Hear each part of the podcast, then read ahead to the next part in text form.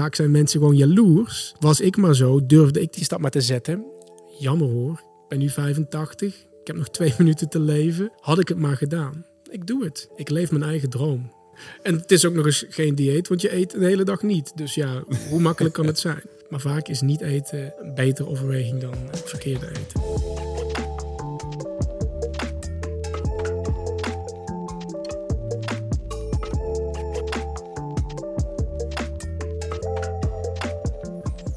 Welkom bij Barberio Podcast, aflevering 16. Speciale gast vandaag, Dr. Ludidi in de studio. Welkom.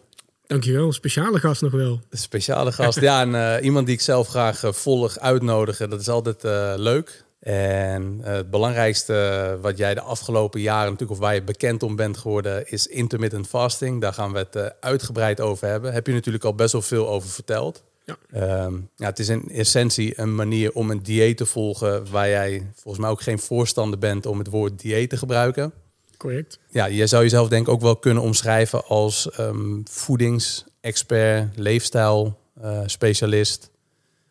Um, ja, dus eigenlijk alles waarbij jij iemands gezondheid kan verbeteren, dat ook doet. Je hebt ook gewerkt met uh, grote namen, Wonde Badahari. Dat is wel een uh, ja, interessante cliënt, denk ik. Ja. En daarmee vind ik ook wel een, een mooi stukje wat, um, wat veel mensen vaak tegenhoudt bij intermittent fasting, is uh, ja, uh, niet kunnen presteren op het moment dat je lang niks eet. Mm. Maar daar wil ik eigenlijk later meer over uh, de diepte ingaan. Hè. We hebben het natuurlijk al gehad over, ja, over het persoonlijke stukje. wie je bent. Je bent 37 jaar, je bent opgegroeid in Limburg.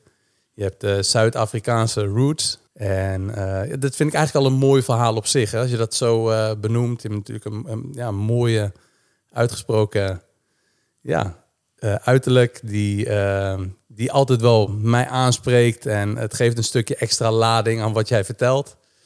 Een vrolijke voorkomen. En eigenlijk wil ik jou in dat opzicht ook wat beter leren kennen. Los van wat ik nu al van je weet. Um, en misschien maar eens te beginnen bij um, ja, waar jij vandaan komt en uh, hoe je bent opgegroeid. Ik denk dat dat wel een heel mooi en leuk stukje is om uh, de podcast mee te starten. Jij bent opgegroeid in, in Limburg, hebt een uh, Zuid-Afrikaanse vader, een Nederlandse of een Limburgse moeder. Ja. En een broer, een zus. Yes. Correct. Je hebt goed je huiswerk gedaan. Bedankt trouwens voor deze uiterst vlijende introductie. Uh, erg mooi. Ja, nee, ja, nee dat, is, uh, dat is 100% waar. Uh, opgegroeid, geboren, getogen in het Limburgse. Nog steeds wonende al daar in het altijd zonnigere en ook vaak wat rustigere Limburg. Dat zorgt ervoor dat ik met twee voeten op de grond blijf, denk ik wel. Letterlijk. waardoor ik ook alles altijd in perspectief heb kunnen plaatsen. Althans, als ik nu terugkijk naar uh, toen ik begon met mijn werk, 2010, 11, 10 jaar, um, dan zie ik dat ik altijd toch wel mijn eigen weg ben blijven bewandelen, mijn eigen kijk op gezondheid heb gehad, wat er ook gebeurde. Ik ben altijd terug naar mijn eigen basis kunnen gaan. En ik, en ik, ja, ik dank eigenlijk hetgene waar ik, waar ik vandaan kom. Uh, dat, dat, dat is grotendeels denk ik verantwoordelijk daarvoor. Altijd terug te kunnen gaan naar de rust en het even terug naar het totaaloverzicht.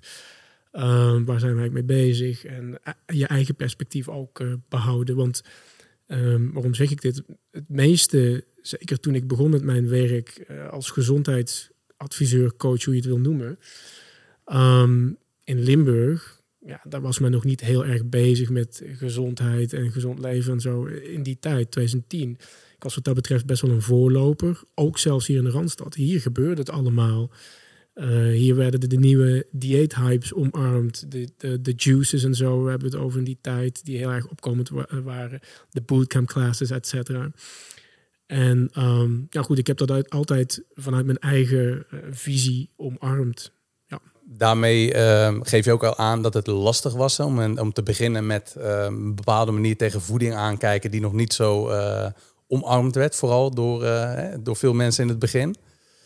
Ehm, wat heb je dan vanuit huis uit meegekregen om met die moeilijkheden om te gaan? Kijk, waar ik als coach tegenaan liep in het begin, als, als je start als coach, ik, ik, ik ben, ben, van huis uit voedingswetenschapper, dus ik, ik was opgeleid op de universiteit.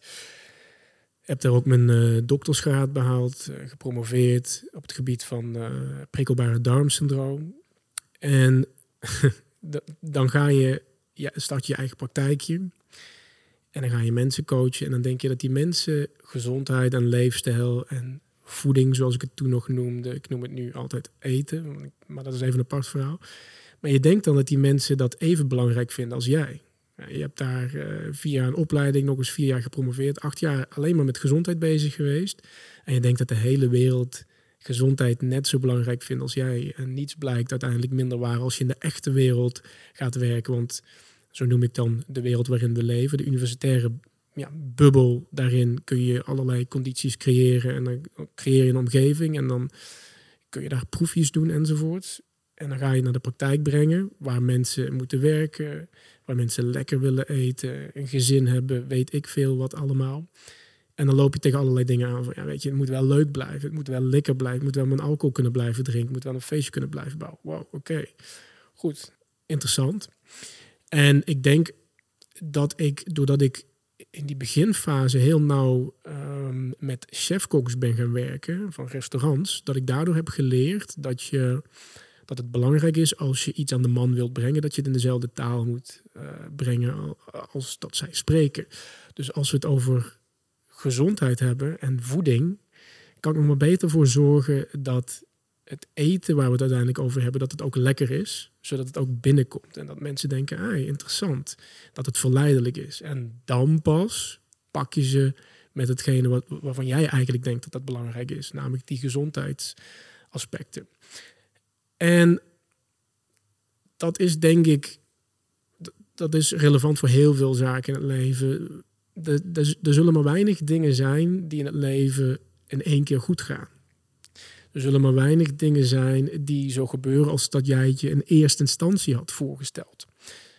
De uitdaging is op het moment dat je ergens tegenaan loopt, tegen een probleem aanloopt of een uitdaging aanloopt, dat je dan een weg vindt om daarmee om te gaan en het uiteindelijk toch gewoon de wereld naar jouw hand te zetten, als dat even kan. Wat heb ik daar concreet van thuis uit van meegekregen? Poeh, moeilijke vraag hoor.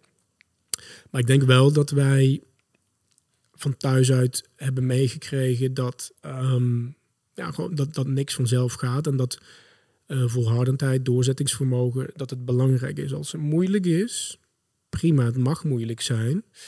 Maar um, dat wil niet zeggen dat je de strijd maar moet opgeven. Dat heeft denk ik ook weer te maken met. Ik heb, uh, ik heb heel lang karate gedaan toen ik jonger was, vanaf mijn zevende of zo tot in mijn twintiger jaren. En dan krijg je natuurlijk ook, bepaalde normen en waarden mee.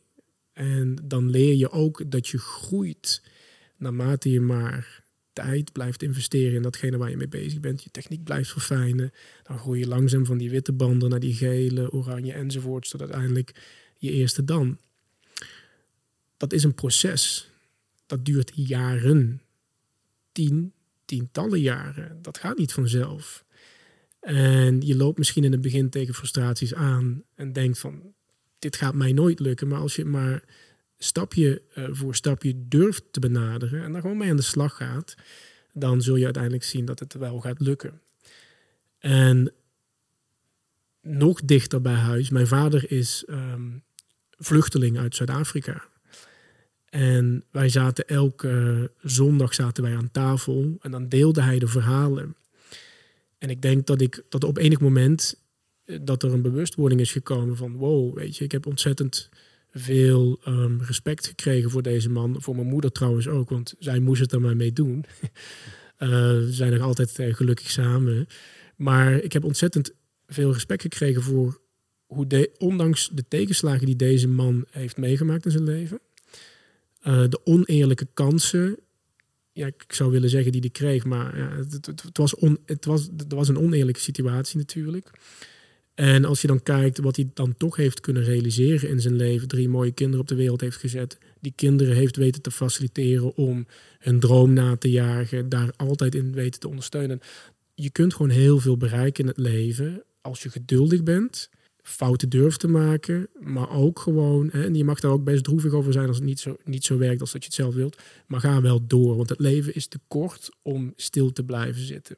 Als je naar de natuur kijkt, hoe zwaar dieren het ook hebben, ze gaan altijd door.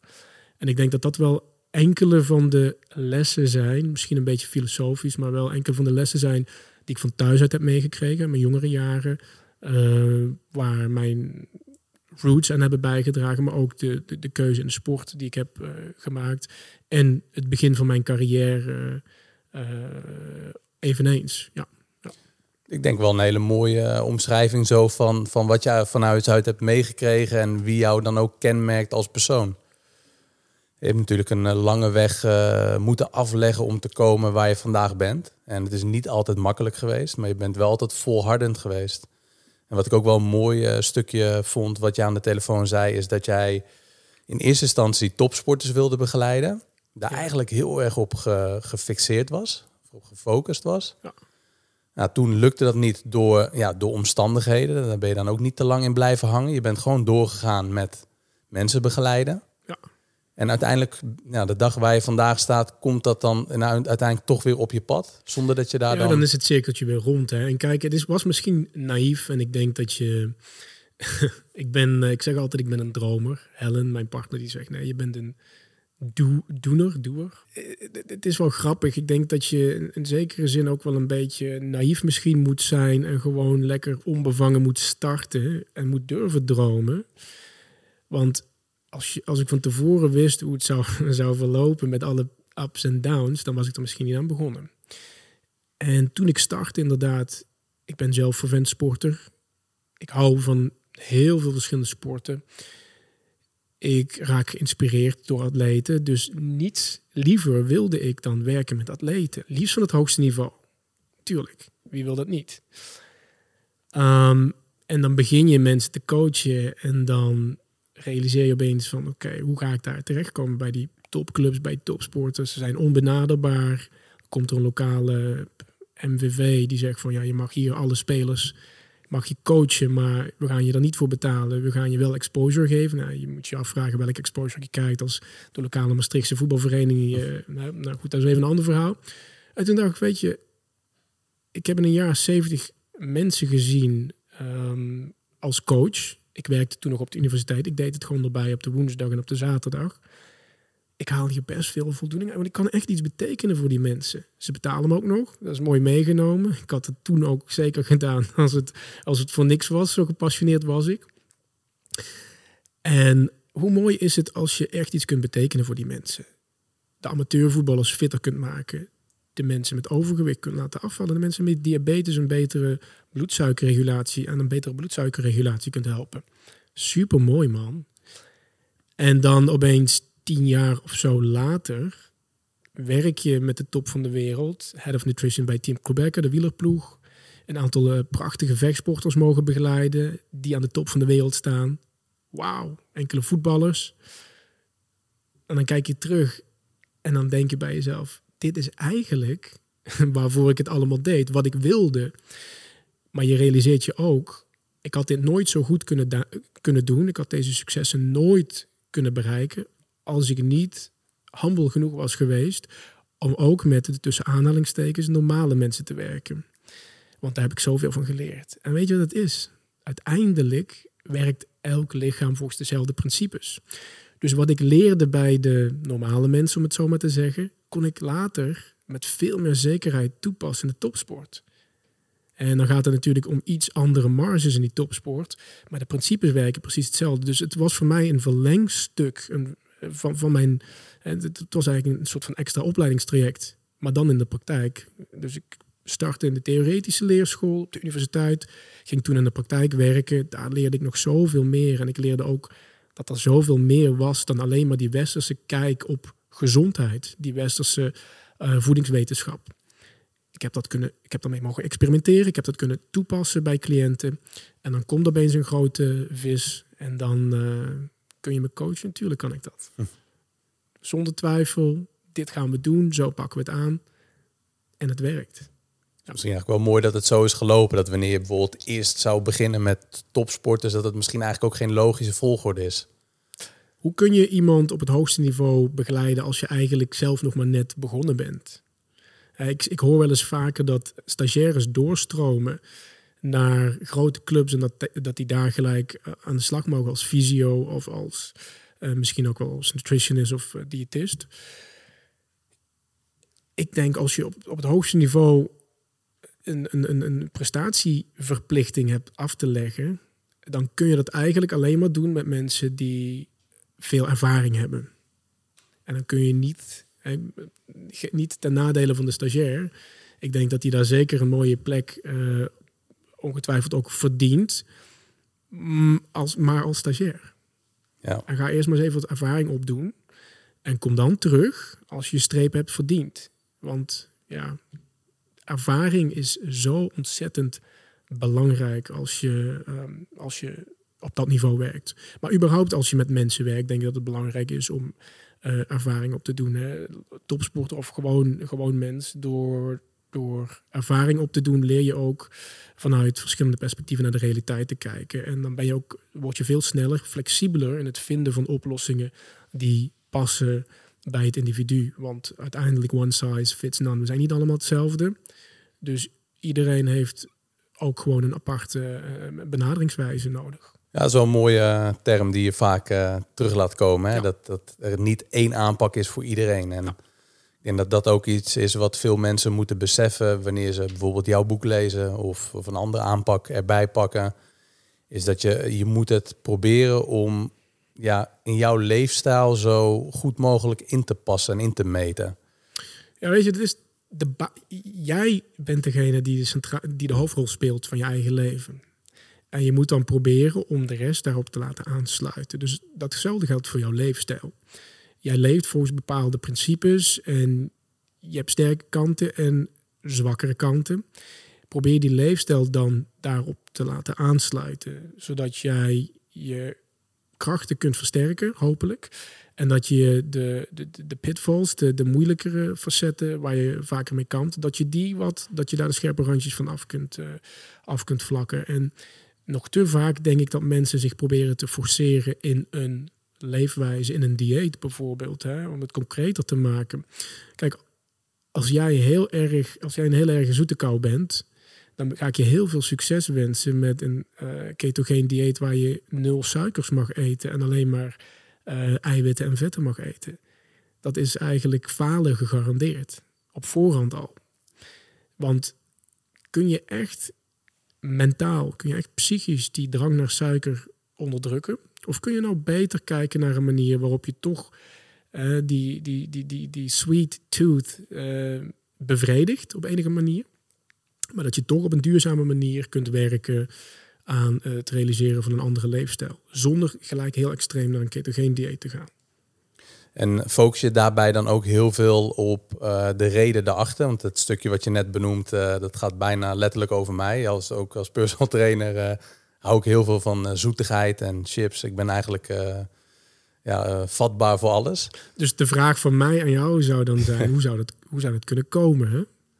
Wat ligt eraan ten grondslag? Want dat is eigenlijk wat je bedoelt, de reden daarachter. En dat is het allerbelangrijkste. Mensen komen vaak naar mij toe met, hey doc, ik wil intermittent fasten. Zeg, oh, wil je dat? Nou, als je zelf al zo goed weet wat je moet doen, hier is mijn boek. Um, alternatief, in het alternatieve geval kun je naar mijn Instagram-site eh, gaan. Daar staan wat tips hoe je kunt starten met intermittent fasting. Go your gang, succes. Wil je echt met intermittent fasting aan de slag? Dat is de vraag. Of als iemand dan al zou zeggen, ik wil afvallen, want daar komen toch nog altijd de meeste mensen op binnen. Wil je dat echt? Of wil je meer grip krijgen op je leefstijl? En als dat zo is, hoe komt het dat je die grip kwijt bent geraakt? Ben je misschien te druk? En ben je te veel met andere dingen bezig en vergeet je jezelf op nummer 1 te zetten? Ervaar je stress, door werk misschien, financieel, in de relatie, et cetera, et cetera, et cetera. Um, er, zijn, er is altijd een reden achter de, uh, achter de reden. Er is altijd een oorzaak voor de reden waarom dat mensen naar mij toekomen. En als je daar niet mee aan de slag gaat, dan blijft het gewoon bij een traject van zes weken. Realiseer je een mooi resultaat.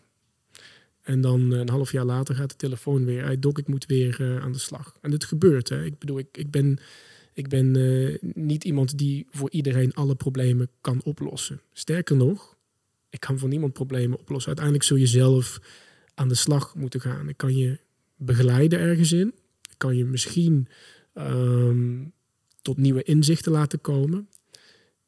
Maar als jij iets wil doen met die chips en die chocoladeverslaving, uh, zul je eerst bij jezelf te raden moeten gaan. En jezelf de vraag moeten stellen: waar komt dit vandaan? Want een groot gedeelte van ons gedrag, ons eetgedrag, wordt bepaald door onze omgeving. En die omgeving is heel divers. Dat heeft betrekking op de fysieke omgeving, de dingen die je ziet en de verleidingen die je tegenkomt en misschien moet weerstaan. De supermarkt, eh, de, de, de, de zoetigheden, et cetera. Ik rij straks terug naar Maastricht. Komen we langs hoeveel KFC's en Burger Kings en weet ik wat allemaal. Die verleidingen, dat is fysieke omgeving. Maar het zijn ook de mensen waarmee je omgaat, de mensen die jou beïnvloeden, de mensen die druk op jou uitoefenen, je werk, het bedrijf. Dat je, dus we denken vaak wel dat we zelf bepalen welke keuze dat we maken. Maar is dat echt zo? Of worden we ook beïnvloed? En ik denk dat dat de laatste het geval is. En dan is de uitdaging, ehm, ja, hoe ga, je met die, hoe ga je met die verleiding om? Hoe ga je met die uitdagingen om? Daartegen vechten alleen, ik denk dat je dan uiteindelijk de strijd verliest, omdat die krachten te sterk zijn. Ja, het is te veel aan de oppervlakte, denk ik ook. Dat je eigenlijk een doel hebt, maar het is te oppervlakkig. Dat je, ja, om eh, af te vallen moet je minder calorieën eten dan je verbruikt. Dat is te, ja, want te kijk, bazaal. En dan ben je vijf kilo afgevallen. En dan? Zeg het maar maar. Vaak uh, vervallen mensen weer terug Precies. in het... Uh... Of wil je dan voor zes kilo gaan en zeven, weet je? Want uiteindelijk zijn de kilo's ook op. Dus je zult voor jezelf, en ook los van het feit dat het belangrijk is om de oorzaak achter de reden te vinden. Hoe komt het dat je bepaald, uh, een bepaald eet, eetgedrag hebt en soms misschien een excessief eetgedrag? Hoe komt dat? Dat je suik, denkt suikerverslaafd te zijn. Maar zoek ook gaandeweg je reis, gaandeweg je health journey. Zoek ook naar een hogere doelstelling voor jezelf dan alleen maar het getalletje op de weegschaal. Want als dat het is, dat getalletje, dan blijf je verstrikt in een leven lang van diëten met ups en downs. Ja, en dat levert ook wel de nodige stress op. En vooral ook, denk ik, een heel onbevredigend gevoel van elke keer niet je resultaten behalen. Dat is eigenlijk een beetje dweilen met de kraan open. Ja. Um, in dit stukje van uh, wat we net hebben besproken, dan uh, wordt bij mij ook wel de interesse gewekt. Wat zijn voor jou echt lastige dingen die jij in het verleden hebt moeten overwinnen? Of wat zijn dingen die je nu nog steeds, uh, ja, wat demonen zijn die, waar jij tegen moet vechten? Persoonlijk. Persoonlijk, ja. Dat is een hele goede vraag.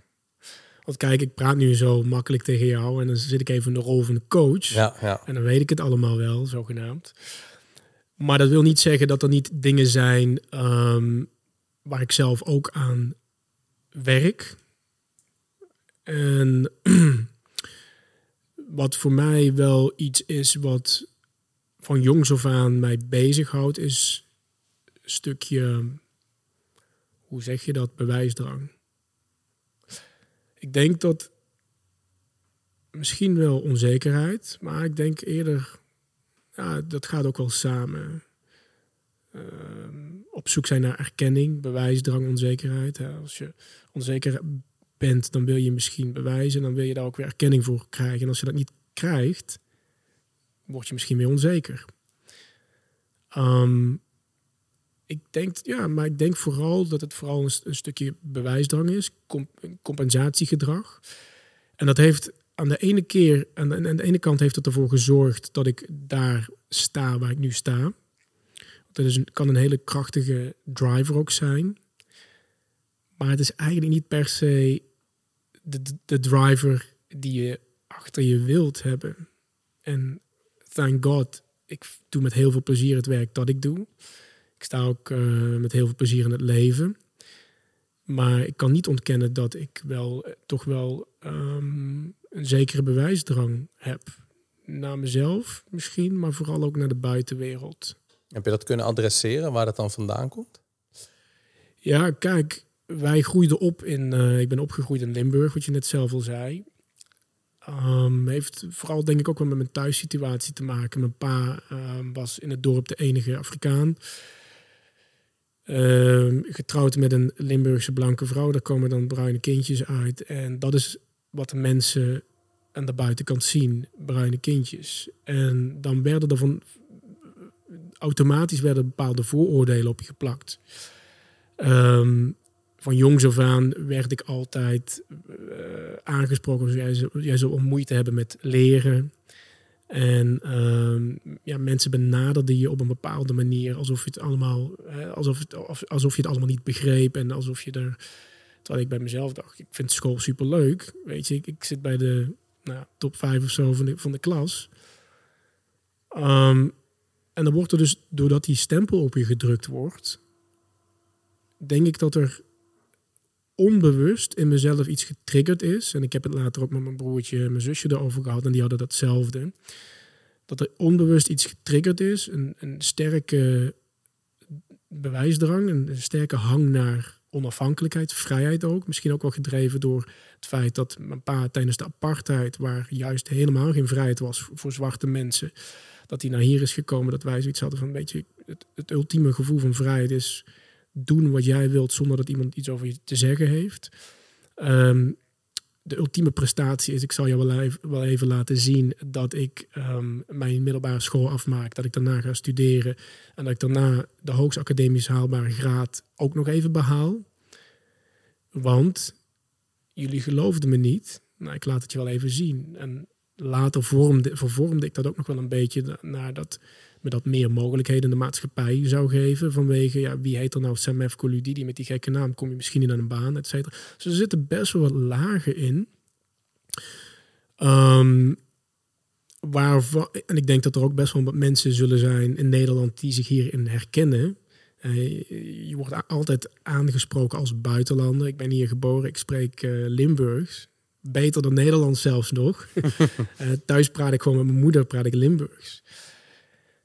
Maar je ziet aan de buitenkant niet dat ik een blanke Nederlander ben. En ik heet ook niet Sam Lucas of zo. Nee, mijn naam is Samef Koludidi. Dus er zijn heel veel niveaus op basis waarvan mensen kunnen denken... ah, daar heb je weer zo'n buitenlander.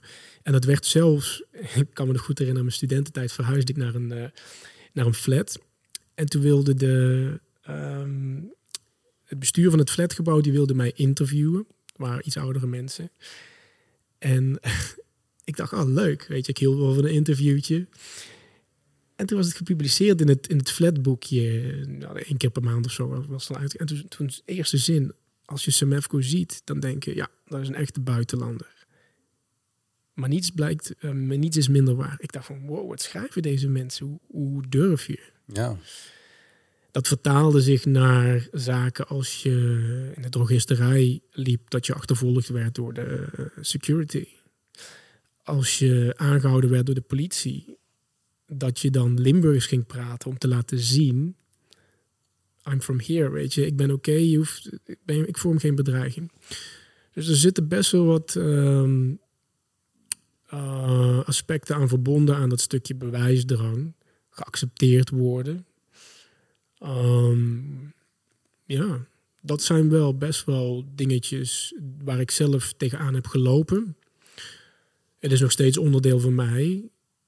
En het is nog steeds een driver achter hetgene wat ik doe. Het heeft nooit, ik, en daar ben ik dankbaar voor. Het heeft, nooit, het heeft zich nooit op een um, negatieve manier geuit, vind ik zelf. Um, ik ben niet het boze type. Maar zeker is het wel iets wat mij persoonlijk um, heeft gedreven. En wat er ook voor zorgt dat ik, ja, wat ik eerder zei, dat ik nu datgene doe wat ik doe. Uh, misschien zelfs wel een inspiratie wil zijn ook. Ja, ik denk dat dat zeker een, uh, het geval is. Hè. Het is best wel terug dat je dat soort dingen hebt mee moeten maken en ervaren in je jeugd. En ja, er zijn natuurlijk heel veel mooie dingen uitgekomen. Ik kan me ook voorstellen dat ja, mensen die in, of jongeren die in zo'n situatie komen, dat die daar anders op reageren. Wat ook begrijpelijk is. En dat uh, ja, er maar veel gezegd kan worden. En je ziet soms nog wel eens op tv dat er dingen gezegd worden. Denk van, oeh, dat is wel mm. kwalijk ja. eigenlijk, vooral met zo'n groot platform. Maar goed, ik denk wel dat jij dan ook jouw, uh, ja, jouw platform op deze manier heel goed kan inspireren. Met ja, dat, dat je soms hele uh, heftige dingen kan meemaken die ehm, ja, die totaal niet oké zijn. Ja, en dat is het lastige. Kijk, we leven in een land waarin we vinden dat we vrij, vrijheid, dat vrijheid van meningsuiting is, eh, vrijheid van meningsuiting is super belangrijk. Alleen als persoon eh, met een donkere huid, om het zo nu maar even dan te benoemen, komen bepaalde opmerkingen kunnen ontzettend hard binnenkomen. En je kunt dat als blank persoon kun je niet empathiseren. Kun je, er is gewoon geen, geen, geen manier waarop je dezelfde pijn en die pijn die je krijgt bij opmerkingen, zijn uiteindelijk maar woorden, kun je zeggen. Maar die pijn die gaat natuurlijk generaties diep. Dat heeft niet nu met een opmerking, een platte opmerking die nu gemaakt wordt te maken. Dat heeft te maken met het leed dat generaties hieraan voorafgaande heeft plaatsgevonden en stil. Een van de woorden die ik bijvoorbeeld heel vies vind is neger, als iemand dat zegt. Of nog erger, negerin. Want wat is de relevantie van het zo concreet benoemen? Ik, ik, ik vind het bijna beestachtig waarop daar een naam gegeven wordt. Weet je, we hebben te maken met witte mensen, zwarte mensen of bruine mensen. Licht en donker of iets. Maar hoe moet ik iemand die wit is, hoe moet ik die noemen? Daar, daar is niet zo'n naam voor. Ik ga je niet Caucasiër noemen of zo, weet je. Dat slaat nergens op. is nooit gebeurd. En dan zijn er altijd wisecracks die zeggen... neger betekent gewoon zwart. Maar zo is het niet bedoeld. En dat heeft ook te maken met mijn persoonlijke pijnen vanuit de kant van mijn vader, waarin nikkers in Zuid-Afrika en in Amerika, et cetera, dat, dat, werd um, denigrerend bedoeld. Dat werd niet neutraal bedoeld, dat werd denigrerend. En die pijn, die draagt hij, droeg hij over aan ons. Um, en de, de, de, situatie wordt heel genuanceerd, want sommige mensen zijn zich er niet van bewust. En die noemen iemand een, een, een zwart persoon neger, terwijl ze juist denken dat dat een positieve, benaming, positieve benaming is. En dan zeg je van, ik heb liever dat je dat niet doet. Dan krijg je heel vaak een reactie. Soms krijg je een reactie, oh sorry, ik wist het niet. Wat kan ik dan beter zeggen? Fantastisch. Maar je krijgt ook wel eens een reactie van, maar ik bedoel het niet. En het gaat niet om jou. Het gaat erom hoe het op mij overkomt. Ehm, dus of je het slecht bedoelt of niet, weet je, je kunt ook gewoon onbedoeld dingen zeggen die minder prettig zijn. Accepteer het en probeer, je, probeer een middenweg te vinden. Het lastige daarbij is, over die pijn waar ik het over heb, van eh, als er dingen gezegd worden um, die betrekking hebben op een bepaalde populatie, of dat over vluchtelingen gaat, weet je, alles wat vluchtelingen aangaat, gaat mij aan, want ik ben zoon van een vluchteling. Alles wat gekleurde gaat mij aan. Alles wat onrecht, weet je, dat, dat zijn allemaal hele gevoelige, uh, gevoelige onderwerpen, onderwerpen die mij raken. Het stomme is in deze neger, negerinnen discussie, er is geen woord waarmee je volgens mij iemand die licht gekleurd is, zo kunt raken. Dus het is, het is, het is niet eerlijk. Maar tegelijkertijd ben ik me terdege ervan bewust dat het leven niet eerlijk is. Het is nooit zo geweest. En in de manier waarop ik, waarop wij binnen het gezin daarmee omgaan. Je kunt heel hard gaan vechten en boos worden op de wereld. Dat is, kan een oplossing zijn voor sommige mensen, maar ik vrees dat je dan de strijd gaat verliezen. Ik zeg niet dat je niet moet strijden, maar pick your battles.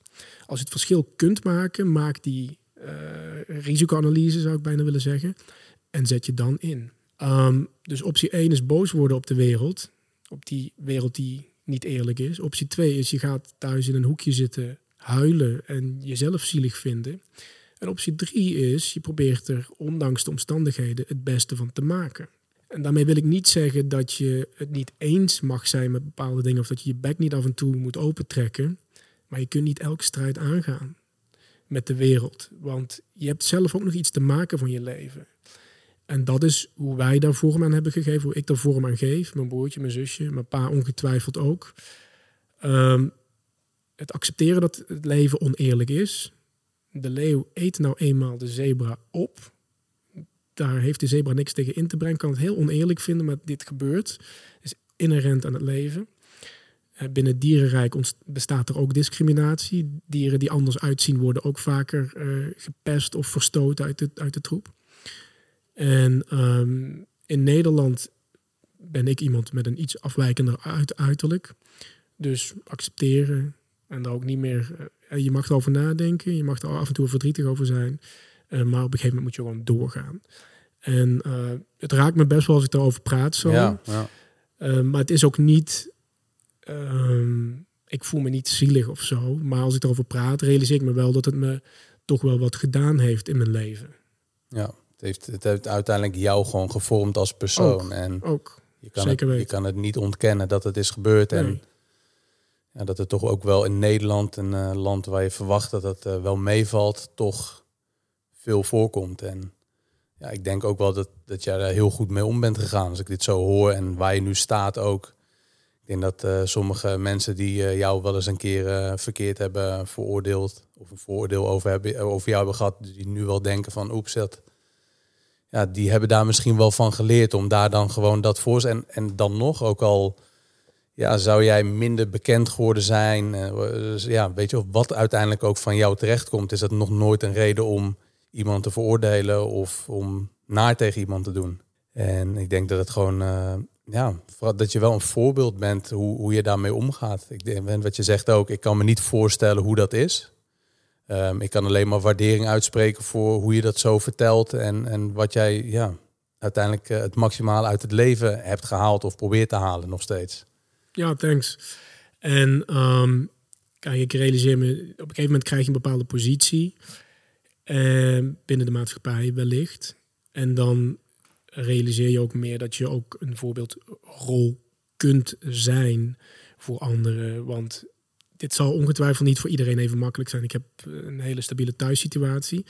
Ik, heb, ik maak de, zwarte kant mee, dus de Afrikaanse kant, maar ik maak ook de witte kant mee, de Limburgse kant. Ik ben het allebei. Eh, misschien maakt het voor mij, maakt dat het voor mij ietsje makkelijker. Ik weet het niet. Ehm, maar ik denk wel iedereen die op welke manier, en dat, dat, kan, ook, kan ook gaan over eh, eh, als je homoseksueel bent bijvoorbeeld, of wanneer je vrouw bent in een bepaalde omgeving en je niet ehm, op je gemak voelt daarbinnen. Ehm, het is denk ik heel belangrijk om gewoon een manier te vinden hoe je kunt omgaan met die situatie. En daarmee wil ik niet zeggen dat je die situatie maar moet accepteren zodat die is. Soms is weggaan of weglopen ook gewoon heel erg goed om te doen. Ja, ook situatie op zich, wat je zegt. Hè? En dat je ja, inderdaad je strijd uitkiest. Wanneer wel, Ja. wanneer niet. Ja. En ehm, is dan ook jouw levensdoel, hè? Dat, dat is, het is echt mensen helpen, is dat al op jonge leeftijd ontstaan? Wanneer heb je dat ongeveer ontdekt dat dat voor jou iets is wat belangrijk was? Ja, daar haal ik heel veel energie uit. Ehm, poef. Ik denk dat dat wel vrij jong begon. Assisteren met lesgeven in de karateschool, dat soort dingen. Ah, leuk. Ehm, ja, ik denk wel dat dat hetgene is eh, wat best wel mijn soort van levensdoel onder andere is. Ehm, mijn bijdrage in de maatschappij, laat ik het zo zeggen. En ja, hoe oud ik was, poef, dat zou ik niet zo durven zeggen. Maar ik denk dat het redelijk jong begonnen is. En heeft dat jou ook geholpen om bijvoorbeeld gezonder met, jou, ja, met jouw leven om te gaan? Dat is vaak ook wel dat, in ieder geval wat, wat mij eh, altijd wel heeft geholpen, is wanneer ik heel eh, hard werk of dicht bij mijn levensdoel ben. Dat het zoveel makkelijker wordt om gezonde relaties te onderhouden. En Dat, dat gaf je net al aan, dat het diëten of gezond eh, bezig zijn op alle facetten natuurlijk terugkomt. Ehm, dat je dicht bij het levensdoel, dat dat ook makkelijker leidt tot gezonde eh, gedrag en relaties en voeding en alles wat daarbij hoort. Ja, weet je het is? Volgens mij, als je lekker in je vel zit, als je gelukkig bent, dan gaat alles, lijkt alsof alles op rolletjes loopt. Dan gaat het vanzelf. En zodra er een soort van disbalans is, en ja, ik noem vaak het woord stress, maar dat is gewoon in deze maatschappij iets waar veel mensen last van hebben.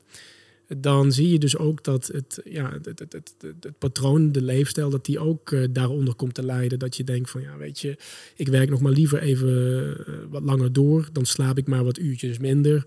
Of vandaag doe maar even afhalen. Ik heb geen tijd om te koken. Of ik heb geen tijd om te trainen, et cetera. En dan opeens, voordat je het weet, eh, is die, dan, is, dan zit je weer in een negatieve spiraal. Terwijl, waar heeft dat mee te maken? Ja, als die balans zoek is, als je niet dicht bij datgene staat waar je eigenlijk voor staat, dan, eh, en die balans raakt zoek, dan uitzicht dat op deze manier. Ik denk dat er nog wel een dimensie aan zit, is dat ik me ben gaan realiseren dat je, kijk, ik coachte mensen door te vertalen wat ik in de uh, academische boeken had geleerd, dat te vertalen naar een praktisch advies, naar een leefstijlrichtlijn, een eetplan, een beweegrichtlijn, et cetera.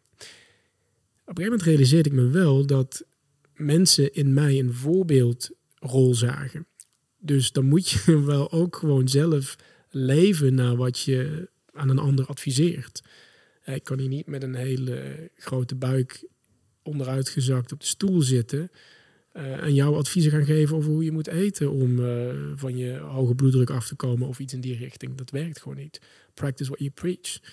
Um, als ik met die jongens, met, de, met die jongens die coach, de, de vechters bijvoorbeeld, als ik met hen train en ik spar absoluut niet met ze, maar als we krachttraining of sprinttraining doen, en ze zijn vaak wel een paar jaar jonger nog wel, maar dan wil ik toch wel even laten zien dat er één iemand de echte baas is. en dat heeft vooral te maken met consistency. Uh, ik zou niet de baas kunnen zijn als ik um, ja, er met de pet naar gooide. Of alleen maar even twee weken voordat wij die training hebben afgesproken, dan opeens even op mijn voeding gaan letten. Nee, zo werkt het niet. Gewoon je hele leven ermee bezig zijn. Vijf dagen in de week trainen. Als een keer niet, prima. Maar dat zorgt er wel voor dat je nog steeds dan met die jongens mee kunt. Doe je dan vijf keer in de week echt krachttraining? Nee, ik eh, train heel divers. Um, ik heb één explosiviteitstraining. Mijn cyclus is eigenlijk iets groter. Dus ik, heb, uh, ik train dezelfde training doe ik één keer in de zeven tot tien dagen. En in die cyclus zit een explosiviteitstraining, een sprinttraining en een, um, op dit moment een krachttraining in de hogere rep range. Dus dan heb ik het 20, 25 reps. Full body. Uh, dus ik heb afgelopen maandag explosiviteitstraining gedaan. Het eerstvolgende eh, moment wanneer ik dat weer doe is aanstaande maandag. Maar de kans is dat ik het pas volgende week woensdag doe. Dus dan heb ik uh, 7 tot 10 dagen herstel. Datzelfde geldt voor de sprinttraining. Hetzelfde geldt voor de krachttraining. En daartussenin, want dan denk je van het zijn toch maar drie trainingen. Maar tussen, daartussenin doe ik heel veel uh, handstandwerk en mobiliteitswerk. Stretchen, uh, handstandvariaties. Om me daar verder in te ontwikkelen. Want ik vind het heel leuk om nieuwe skills te leren. Dat houdt mij op de been. Um, bankdruk, ik noem even iets. Ja, dan druk je één keer eh, 80 kilo of zo. En dan heb je een nieuw PR. En dan wordt dat 90, wordt dat 100. Maar daar zit ergens een grens. En met mobiliteitstrainingen of met handstandtrainingen, ja, die journey die kan blijven doorgaan. Want als je op twee handen staat, dan is het uiteindelijk ook misschien leuk om op één hand te kunnen staan of figuurtjes te maken, et cetera. En dat uh, houdt me een beetje bezig. En dat is puur omdat je het uh, leuk vindt? Of is het ook echt specifiek een doel om uh, een vetpercentage laag te houden? Want je hebt ook, vroeger was het vooral esthetisch, hè, wat je aangaf ook in je boek. Ja. Het esthetische doel met trainen. En wat is nu echt het doel geworden? Nee, daar ben ik eigenlijk niet meer mee bezig. Het is meer um, de vorm volgt de functie.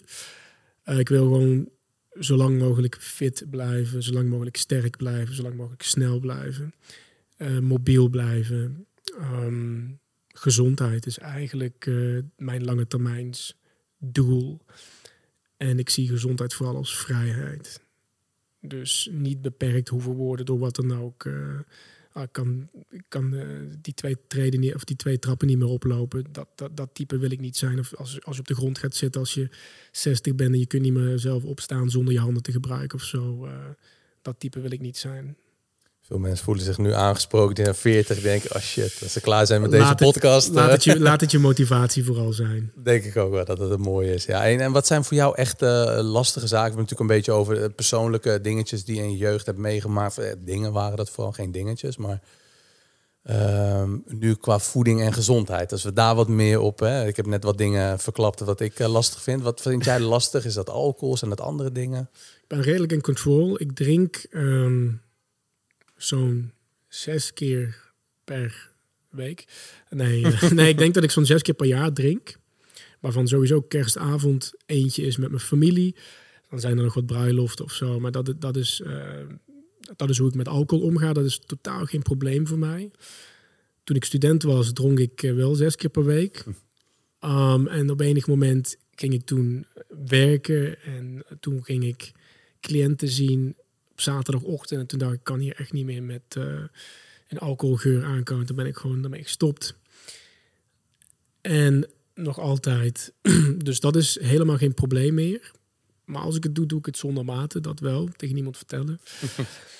Ehm, En wat drink je dan? ja, ik vind whisky ginger ale wel lekker. En ehm, hoe heet dat nog een keer? IPA. Ehm, dat is een bepaald biersoort. Oh ja, ja. Maar goed, hè, dat, dat, dat- is echt op eh, net iets meer dan één hand dan te tellen. Ehm, wat ik verder heb geleerd. Ik vond het vroeger heel lastig als ik eh één of twee dagen niet kon trainen. Ja, moet ik weer helemaal opnieuw beginnen, et cetera. Ik ben op enig moment een veel grotere cyclus gaan omarmen. Dus in plaats van per week naar je cyclus te kijken, naar je programmering te kijken, ben ik het gewoon per training gaan doen. Ik ga rond training 1 af, dan training 2, dan training 3. En ik probeer dat binnen 10 dagen te doen. Maar soms lukt het binnen 14 dagen. Dan is het niet anders. En daar waar ik tijd heb, probeer ik tussendoor mobiliteit, doe ik tussendoor mobiliteit en handstandwerk. Maar daar, daarvoor ben ik ook niet per se afhankelijk van een gym.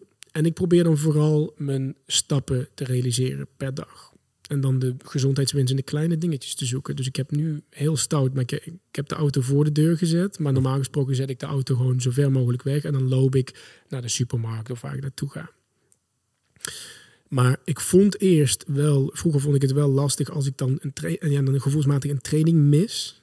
En dan heb je vijf trainingen staan in de week en dan mis je er één. En dan moet je alweer een week overslaan. En nu ben ik het heel anders gaan eh, programmeren. En ik ben veel meer naar een grotere cyclus gaan kijken. En ik doe training 2 pas als training 1 gebeurd is. Training 3 pas als training 2 gebeurd is. En dat geeft heel veel rust. En ik heb ook geleerd dat ik best wel training, een, een bepaalde vorm van krachttraining, twee, drie, zelfs vier weken niet gedaan kan hebben zonder verlies van kracht. Sterker nog, dat ik dan toch nog micro kan groeien. In dan wel reps of in ehm, letterlijk een gewicht.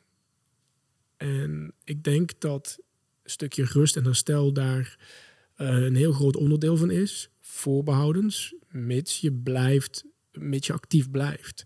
En dat wil niet zeggen dat je dan vier weken niks doet en in een stoel gaat zitten, maar je blijft wel gewoon actief. Je doet wel je mobiliteitstrainingen wellicht. Je zorgt voor je, voor je stappen, et cetera. Die alcohol die kunnen we wegschuiven. Die, die problemen rondom de training, die zijn er ook niet meer. Ik durf nu trainingen los te laten. Weet je, ik heb nog een heel leven lang te trainen. ja. En dan komen we bij hetgene waar de meeste mensen mee kampen, denk ik. En dat is eten. En ik denk dat ik daar ook heel goed in control ben. Maar er zijn ook nog af en toe wat zwakke momentjes. En dat heeft vooral te maken met ehm, als ik me in een sociale omgeving bevind. En die sociale omgeving is even goed thuis. Hè, want mijn vrouw eh, die haalt regelmatig lekkers in huis. En dan is het vrijdagavond. En denk ik ja, hard gewerkt. We gaan een serietje kijken. En dan neemt zij iets. eh, chocolade of zo. Een klein stukje. En zij heeft dan genoeg aan één of twee stukjes. En bij Ludidi is het dan gewoon alles of niks, aan of uit. Ik stop me nu vol. Die reep gaat erin. En morgen ga ik gewoon weer door waar ik gebleven ben. Ehm, dus ik gun me dat wel, als ik het doe. Maar dan doe ik het wel ook weer zonder mate. Omdat ik van mening ben dat je maar beter gewoon één keer dat stevig kunt doen. En dan gewoon weer heel lang niet. Dan elke dag te microdoseren. Elke dag eh één of twee st- eh, stukjes chocolade te nemen. Eh, want dan stel je jezelf wel elke dag bloot daaraan. Dus ehm, ja, ik vind het af en toe. Maar weet je, eten gaat niet alleen maar over gezondheid. Het gaat ook over genieten. En sommige dingen zijn gewoon een sensatie voor je mond. En waarom zou je het dan niet nemen? Dat is een goede vraag. Ja, mensen, waarom, de- ja. mensen denken vaak van ja, jij zult wel niet snoep of jij zult wel geen friet eten. Of eh, friet vind ik dan niet lekker in dit geval. Ik hou wel heel erg van Thais eten. Eh, maar mensen denken, van, of pizza vind ik ook wel lekker. Mensen denken dat ik die dingen allemaal niet doe. Maar ik denk eh, juist dat als je daar zin in hebt en je bent tevreden over hoe het loopt, why not? Ja, het is vaak wanneer het je doelen maar niet in de weg zit, dat het Ja. kan. Ja. En de gevolgen van ehm, plezier, wat zijn de gevolgen daarvan? Hè? Als je die pizza neemt, wat voor gevolgen heeft het nog meer? Als het iemand is die bijvoorbeeld een eh, glutenintolerantie heeft of last heeft van pizza eten, om het even wat algemener te houden. Ja, is dat het dan waard als je pizza gaat eten en je, je, je bent drie dagen loop je Ja. met eh, pijn in je buik en eh, Ja, kijk, dat is natuurlijk. eh, Maar ik zie dat ook bij mezelf. Mijn eetpatroon is schoon, durf ik Mhm. te stellen. En op het moment dat ik dan iets eet wat afwijkend daarvan is, wat bewerkt is, wat eh, pizza of chips of whatever is, dan krijg ik daar zelf ook wel last van mijn buik, omdat mijn darmstelsel niet, gewend, niet meer gewend is om dit type eten te verwerken. Dus dat voel ik dan ook wel, maar dat is dan een soort van eh, ingecalculeerd risico. ja, het is het waard. Soms. Ja, en ik denk ook wel dat het helpt dat ehm, als je dan een periode niets eet, volgens mij pas je dat regelmatig toe, hè, het intermittent fasting zelf. En jij hebt nu dan vandaag, dat is ook wel leuk om even aan te halen, zit nu in een 24 uur va eh, fasting eh, Ja, ja. ja, programma. Ja. En, en met welk doel? Ik doe dat één keer per maand. Ehm, normaal gesproken het eerste weekend van, van de maand. Dus een nieuwe maand begint. Eerste weekend doe ik 24 uur vasten. Afgelopen weekend hadden we een bruiloft op zaterdag. Dan doe ik dat niet. Ik heb daar gewoon lekker gefeest. Dan is het de dag daarna ook niet ideaal om dat te doen. Ehm, vandaag, ik heb specifiek gekozen voor vandaag omdat ik op reis ben. En dan hoef ik me ook niet druk te maken over de voorbereiding van mijn eten, voedselkeuzes, et cetera. Gewoon, dan kan ik me focussen op de dingen die ik, eh, die ik moet doen. En ehm, ik doe dat vanwege twee redenen. De eerste reden is om een moment mezelf te gunnen van reflectie. Hoe is de afgelopen maand gegaan? Hoe gingen de afgelopen drie, vier, vijf maanden? Health-wise. Dus erg om even mijn eigen gezondheid te evalueren. Ik hou een aantal gezondheidsmaten voor mezelf bij. Hoe ik slaap elke dag. Eh, hoe ik beweeg elke dag. Hoe ik eet elke dag. Dat zijn de, belangrijkste dingen die ik voor mezelf bijhoud. En dan kijk ik gewoon naar hoe ging afgelopen maand ten opzichte van de maand daarvoor. Ging het goed? Super. Hoe kwam dat? Ging het minder goed? Ehm, ja, waar kunnen we dat eh, aan toeschrijven? Daar gebruik ik die 24 uur vaste periode in eerste instantie voor. En van oudsher is vasten altijd een, een, een, een, een moment geweest dat gebruikt werd om eh, tot inkeer te komen, een moment van bezinning. Eh, als je naar het katholieke vasten kijkt, de vaste periode die na de carnavalsperiode eh, eh, ja, kwam, dan was dat ook een moment van bezinning. Je hebt voor een bepaalde periode geen eten. Ga eens even nadenken over de essentie van het leven. In de islam zien we dat precies hetzelfde. We zien dat ook bij natuurvolkeren die vasten toepassen. Van, kom maar eens even tot één keer. Waar, waar zijn we allemaal mee bezig?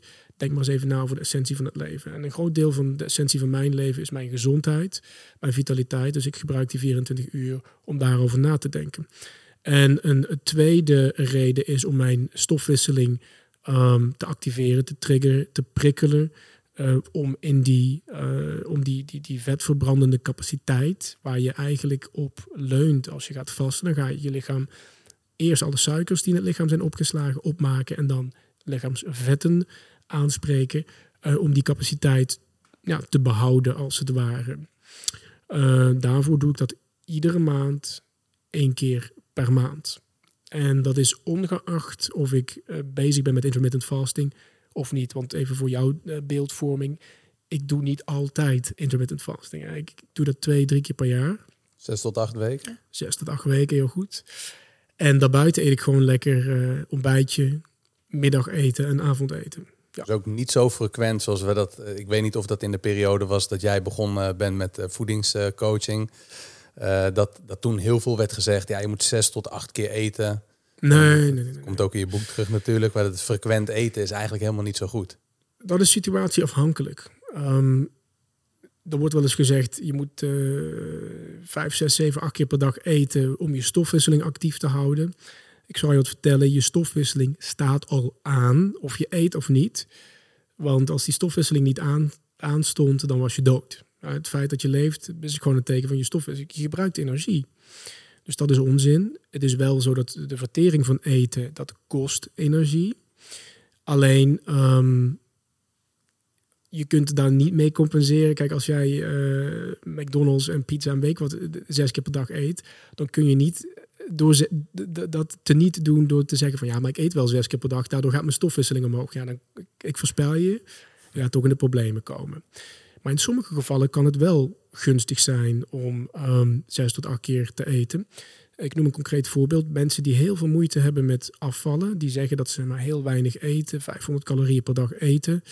Uh, daarbij zit hun stofwisseling eigenlijk vast, als het ware. Dus die, die, verbrandingsmotor die draait nog maar op hele lage toeren. Die vlam die is heel klein geworden. En om die vlam weer aan te krijgen, moet je eigenlijk veel regelmatiger wat nieuw brandhout toevoegen. Dus dan adviseer ik wel om 5, 6, 7 keer per dag kleinere porties te eten. Daardoor gaat die vlam weer groeien, gaat die stofwisseling weer aan. En dan zul je dus ook zien dat door vaker te eten, door meer te eten, kwalitatief goed ook te eten, dat deze mensen opeens gewicht gaan verliezen. Terwijl ze dachten van ik eet al zo weinig. Ik kan niet minder gaan eten, maar ik val niet af. Nee, stop er juist meer kwalitatief hoogwaardige brandstof in. Zo gaat die vlam aan en dan gaat die vlam opeens ook ehm, meer vet verbranden. Maar ik eet drie keer per dag normaal gesproken. En dan twee keer per jaar doe ik uh, zes weekjes intermittent fasting. Ja. En ehm, is dat ook is, veel bij jou gebaseerd ook op calorieën? Want je gaf net aan iemand die op 500 calorieën dan niet afvalt. Uh, misschien een, een voorbeeld. Uh, maar, maar track je die calorieën ook?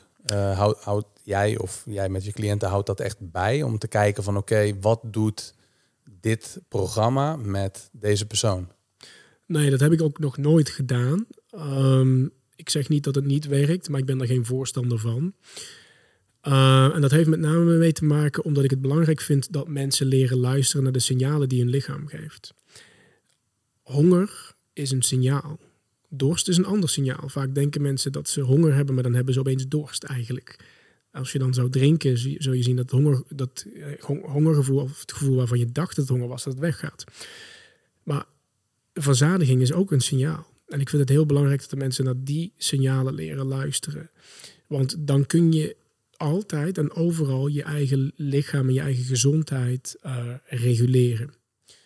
Nogmaals, ik zeg niet dat calorieën tellen dat dat niet een methode is, maar de, de manieren die ik hanteer, daar probeer ik veel meer dicht bij de mensen te gaan zitten, naar het gevoel te gaan, naar uh, primaire instincten zou je bijna kunnen zeggen, om de mensen de onafhankelijkheid te geven, de vrijheid te geven, altijd en overal waar ze zijn. Maar dat gaat wel gepaard met het eten van kwalitatief hoogwaardig eten, met natuurlijke producten. Want als jij bewerkt eten eet, dan is jouw lichaam wellicht minder in staat om bepaalde signalen op te pikken. En dan kan het zijn dat je veel sneller weer honger krijgt. Dus dan denk je misschien, ik heb honger, terwijl er genoeg energie in je lichaam zit. En dan ga je, nou, dan, dan ga je, um, ja, dan sla je uiteindelijk een verkeerde weg in. Dus in de basis is het belangrijk dat het eten wat je eet, dat dat natuurlijk is, onbewerkt. Dat je vooral veel zelf bezig bent met je eten, met de bereiding daarvan. Veel meer gefocust, dat zei je ook eerder. En daar ben ik ook wel een groot voorstander van. Ehm, meer voeden in plaats van vullen. Ja, dat kan eigenlijk alleen met, um, ja, met bepaalde voeding, zoals uh, ja, gezonde voeding, onbewerkte voeding. Het lichaam is uiteindelijk geprogrammeerd om de voedingsstoffen die in natuurlijk eten zitten, om die te herkennen. En er kunnen moeilijkheden ontstaan op het moment dat er fabrieksmatige uh, samenstellingen worden gemaakt, waar heel veel suikers in zitten, heel veel uh, vetten, geraffineerde suikers, geraffineerde vetten, zout, etc. Dat haalt dat hele detectiesysteem van honger en verzadiging en al die receptoren en die moeilijke stofjes die daar allemaal bij komen kijken, dat haalt dat gewoon overhoop. Je kunt daarmee dus eigenlijk um, ja, je natuurlijke biologische systemen omzeilen. En dan kan het misgaan.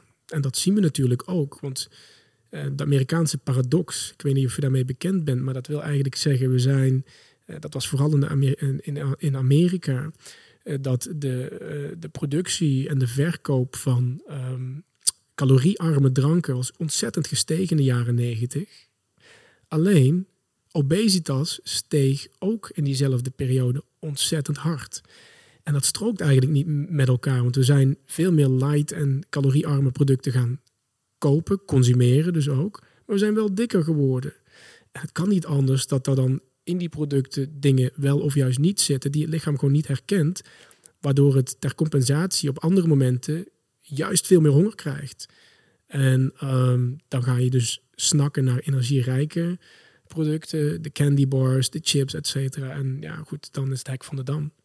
Ja, het is wel een interessant uh, stukje wat je zegt ook. Hè, dat uh, ja, wij maken onszelf natuurlijk van alles wijs. En we laten onszelf ook van alles wijs maken. Dat het stukje uh, bewustwording is zo belangrijk. Dat je gewoon weet wat je doet en waar jouw lichaam goed op reageert. En ja, of dat dan is door middel van uh, calorieën bouwen en bewustzijn creëren. Dat is eigenlijk wat, wat ik heel veel doe met mensen. En een, een, een bepaalde manier van werken. Jij creëert op een bepaalde manier bewustzijn. En zonder dat bewustzijn heeft het gewoon heel weinig zin om ergens aan te gaan sleutelen. Ja. Dus je lichaam echt uh, goed moet leren kennen, signalen moet gaan herkennen. Ik denk dat we gewoon massaal uh, ja, lampjes van een auto, uh, die zullen we nooit negeren. Maar de lampjes die ons lichaam geeft, ja, echt compleet negeren gewoon om maar in die comfortzone te blijven. Ja, ja, heel goed. En dan moet je er inderdaad voor openstaan van wat zijn die signalen, hoe herken je ze, et cetera. En dan kom je toch inderdaad bij een stuk uh, lichamelijk bewustzijn, kom je dan terecht, 100%.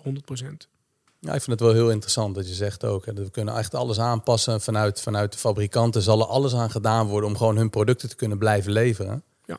Uh, maar het belangrijkste is, is dat je misschien toch wat producten gaat eten die wat dichter bij de natuur uh, liggen. Ja. En ik sprak deze week een cliënt van mij en die zei van, ja, ik was een paar dagen bezig met het programma. En ik merkte gewoon dat mijn drang naar chocola, suiker volledig verdwenen was. En ze zei van, ik had het gevoel van, dit is wat ik altijd wil, dit is wat ik altijd kan doen.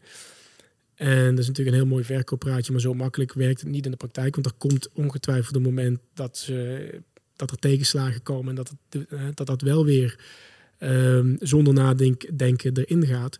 Maar dan denk ik wel om te laten zien wat de kracht is van, van goed eten. Dat dat dus de compensatiedrang naar dit soort zaken, chocolade, chips, et cetera, gewoon weg kan nemen. Want het is vaak wel een compensatiedrang voor um, of je krijgt te weinig voedingsstoffen binnen, of er is te veel sprake van stress, et cetera, et cetera, et cetera. En als je dat weg kunt nemen, dan geeft dat ook heel veel rust. Dan zit je ook niet constant in het gevecht met, uh, straks wordt het weer vanavond, heb ik mijn avondeten op en dan, weet je, dan uh, lonkt die kas weer en dan moet ik mezelf vastbinden om niet naar de, naar de chocolade te gaan. Ja, ik denk dat dat heel mooi is als je op een gegeven moment kijkt naar wat uiteindelijk voor jou werkt en je hebt kennis gemaakt met die manier van leven. Dat dat ook heel verslavend is. Hè? Dat, um, dat als je merkt dat bepaalde klachten wegnemen of een bepaald resultaat behaald wordt wat eerder niet lukte, als je daarvan proeft. Dus dat kan ook heel verslavend werken. Want je zegt ook dat die cliënt dan heeft ervaren hoe dat kan zijn, dan zal ze ongetwijfeld nog wel een keer of meerdere keren terugvallen. Ja. Maar uiteindelijk groei je toch, hè, als je daarmee bezig blijft, steeds dichter naar je gewenste resultaat. Ja, weet je, een terugval hebben we allemaal. Het leven verloopt met ups en downs. Dus het is helemaal niet gek dat je een terugval hebt. Ja, je hebt ook ongetwijfeld in jouw health journey terugvallen. Ik zelf ook. Maar wat belangrijk is, is op het moment dat je merkt dat het even minder gaat, dat dat niet het einde is. Je hebt niet gefaald. Het is niet allemaal voor niks geweest. Je kunt de dag daarna gewoon weer doorgaan. Want ik zeg altijd, die health journey is gewoon een leven lange reis. Het gaat je hele leven lang door. Dus het is niet erg als er een keer een tussenstationnetje is dat je even moet pauzeren. Of dat je, eh, als je met je afvalreis bezig bent, je bent vijf kilo afgevallen. Je bent er weer één of anderhalve bij gekomen tijdens de vakantie. Prima. Je staat nog altijd netto op min 3,5 het is niet klaar. Het is niet voor niks geweest. Je kunt nu weer gewoon doorgaan. Dat is zo belangrijk. En nog te vaak beginnen mensen weer, denken ze dat ze helemaal opnieuw moeten beginnen. Durven ze niet open te staan voor wat ze wel al geleerd hebben, wat ze al gewonnen hebben. En het zijn al die kleine beetjes die je elk jaar opnieuw bij elkaar moet optellen om verder te komen. Maar dat lukt niet als je steeds weer helemaal terug uh, start bij nul is dan ook vaak de weerstand wat weer opspeelt. Dus dat mensen zichzelf op het moment eh, ja, in een dieet begeven. Um, dat dan in het begin goed kunnen volhouden en later dan toch weer van ja, maar ik heb toch wel stress. Ik ga mezelf toch maar weer belonen met van ja, het is een lange week geweest. En uiteindelijk weer een beetje terugvallen in het oude patroon en een beetje ja, ambivalentie. Uh, hè, volgens mij is een mooi woord dat vaak gebruikt wordt ook. Wanneer je dus eigenlijk ja, uh, in een dieet wilt stappen eigenlijk denkt van ja, ik moet dat doen, ik moet dat doen en uh, het is beter voor mijn gezondheid. Ik wil graag afvallen. Op het moment dat ze dan in het dieet zitten, eigenlijk weer elke keer verlangen naar uh, niet in het dieet zitten. ja, maar je moet jezelf ook pauze geven. Je hebt de rust nodig om te kunnen herstellen, indrukken te kunnen verwerken, et cetera. En uiteindelijk komt het ook weer ehm, neer bij de essentie van wat is dan de oorzaak waarom dat je eh, aan de ene kant wilde diëten, maar ook de oorzaak voor het feit dat je die terugval krijgt. Want als jij, die, als jij nooit werk gaat maken van die stressfactoren bijvoorbeeld, dat is uh, iets waar veel mensen mee kampen. Als je daar geen werk van maakt, zal het altijd een rol blijven spelen. En zal het, is de kans groot dat het je altijd terugtrekt. Als je niet terugkijkt en niet leert van het verleden, ga je er niet achter komen. Dan denk je steeds het dieet werkt niet of ik ben niet gemotiveerd genoeg. Tuurlijk ben je gemotiveerd genoeg. Je was al een keer tien keer afgevallen. Je hebt het al een keer gedaan. Dus met die motivatie, daar, daar, ligt het niet aan. Jouw doorzettingsvermogen, daar ligt het niet aan. Maar er zijn dingetjes die spelen waar jij geen, nog geen zicht op hebt. Dus maak die zichtbaar. En als het je alleen niet lukt, vraag een coach. Praat met mensen. Want door te praten met mensen komen opeens dingen boven water. En op het moment dat het zichtbaar is, dan kun je daaraan gaan werken. Hou er rekening mee. Het zal goed gaan. Vier, vijf, zes weken, misschien drie maanden. En daarna krijg je weer een terugval omdat je weer vervalt in oude patronen. Zichtbaar maken en opnieuw daar gaan werken. En zo gaat het met ups en downs. De bedoeling is wel dat, dat het uiteindelijk wel naar een bepaalde richting beweegt. Dat je uiteindelijk wel die kant op gaat. Als je uitzoomt, dat je wel een mooie lijn ziet, een stijgende lijn. Dat zie je vaak in het moment niet. Maar als je uitzoomt, ga je dat wel zien. Maar je, je, je zult er gewoon tijd in moeten stoppen, aandacht voor moeten hebben. En lukt dat niet alleen, ja, doe het, uh, doe het samen. Wat trouwens ook um, een interessant dingetje is, en dat, dat, dat vind ik zelf nog wel eens lastig als ik werk met cliënten, is dat er op het moment dat iemand heeft uitgesproken wil mijn gedrag veranderen, komt toch weer bij die omgeving, dat de omgeving het maar gedoe vindt en nu moeten we voor jou anders gaan koken toen niet zo flauw, je dronk altijd, waarom nu opeens niet, is niet gezellig, et cetera. Wat feitelijk een reflectie is van het verlangen van die mensen die niet de motivatie en de toewijding hebben om er zelf mee aan de slag te gaan. Wat ik wil zeggen is, vaak zijn mensen gewoon jaloers. Van, oh, was ik maar zo, durfde ik die stap maar te zeggen. Dus durfde ik die stap maar te zetten. Alleen doordat ze daar zelf misschien onzeker over zijn of het moment voor hen er nog niet is, gaan ze proberen de wensen van de ander te saboteren. En dat vind ik als coach best nog wel lastig. Want eigenlijk wat je wilt zeggen is neem afstand van die mensen. Die trek je omlaag. Alleen in de praktijk is dat vaak niet heel, uh, heel makkelijk om dat zomaar te doen. Maar ik denk wel dat het ook voor de luisteraars belangrijk is om dit soort situaties te herkennen. En je bent niemand anders iets verplicht behalve jezelf. Durf echt voor jezelf te kiezen. Dat is een hele mooie. Ik denk dat dit altijd voorkomt. Als iemand op een gegeven moment succes gaat nastreven, is dat er dan wat mensen aan die poten gaan zagen, wat helemaal niks zegt over jou, maar meer over henzelf. Um, dat het goed is ook bijvoorbeeld ja, de mensen om je heen, die je echt lief hebt, die je graag in je leven houdt, uh, het gesprek mee aangaat. Zeg ook van ja, voor mij is het heel belangrijk. Ik zou graag willen dat je mij hierin steunt, of in ieder geval niet tegenwerkt. En voor de mensen die wat verder van je afstaan, om daar dan misschien ook wat meer afstand van te gaan nemen. Dat dat vaak toch wel helpt. Dat is ook een vorm van dieet, hè, vind ik dan. Hè. Dus wat je kijkt, de mensen om je heen. Uh, ja, eigenlijk al, alles is een dieet. Schrappen wat je niet meer nodig hebt. Hè? Ja. Uh, of wat je tegenwerkt. Ja. Ik denk dat dat wel mooi is. Dat is iets wat altijd gaat komen. En ook niet alleen met diëten, maar ook met een nieuwe baan. Of met een uh, onderneming starten. Of met een baan of je hart volgen. Of verhuizen naar het buitenland. Ja. Weet je, dat is allemaal prima. Allemaal als jij dat graag wilt. Dan, ja, wie is dan, natuurlijk zijn er mensen die, die echt jouw liefhebber, die zullen dat vanuit liefde misschien wel zeggen. Of angst, hun eigen angst dan misschien op jou projecteren. Dat doe ik zelf ook wel eens, maar... Hè, zo hebben we allemaal wat dingen waarvan kunnen werken. Maar het is belangrijk om dat te beseffen. En vooral met de mensen die, uh, ja, je partner die dan zegt, ja, voor mij kost dat wel moeite om hè, dan extra te gaan koken of anders te gaan koken. Of ik wil niet in een bepaald uh, dieet uh, zitten. Dat je dat gesprek ook aangaat. Ja. ja. Um, uh, de 24 uh, eh, uur vast, is, is dat een van de moeilijkste uh, toepassingen die, er zijn?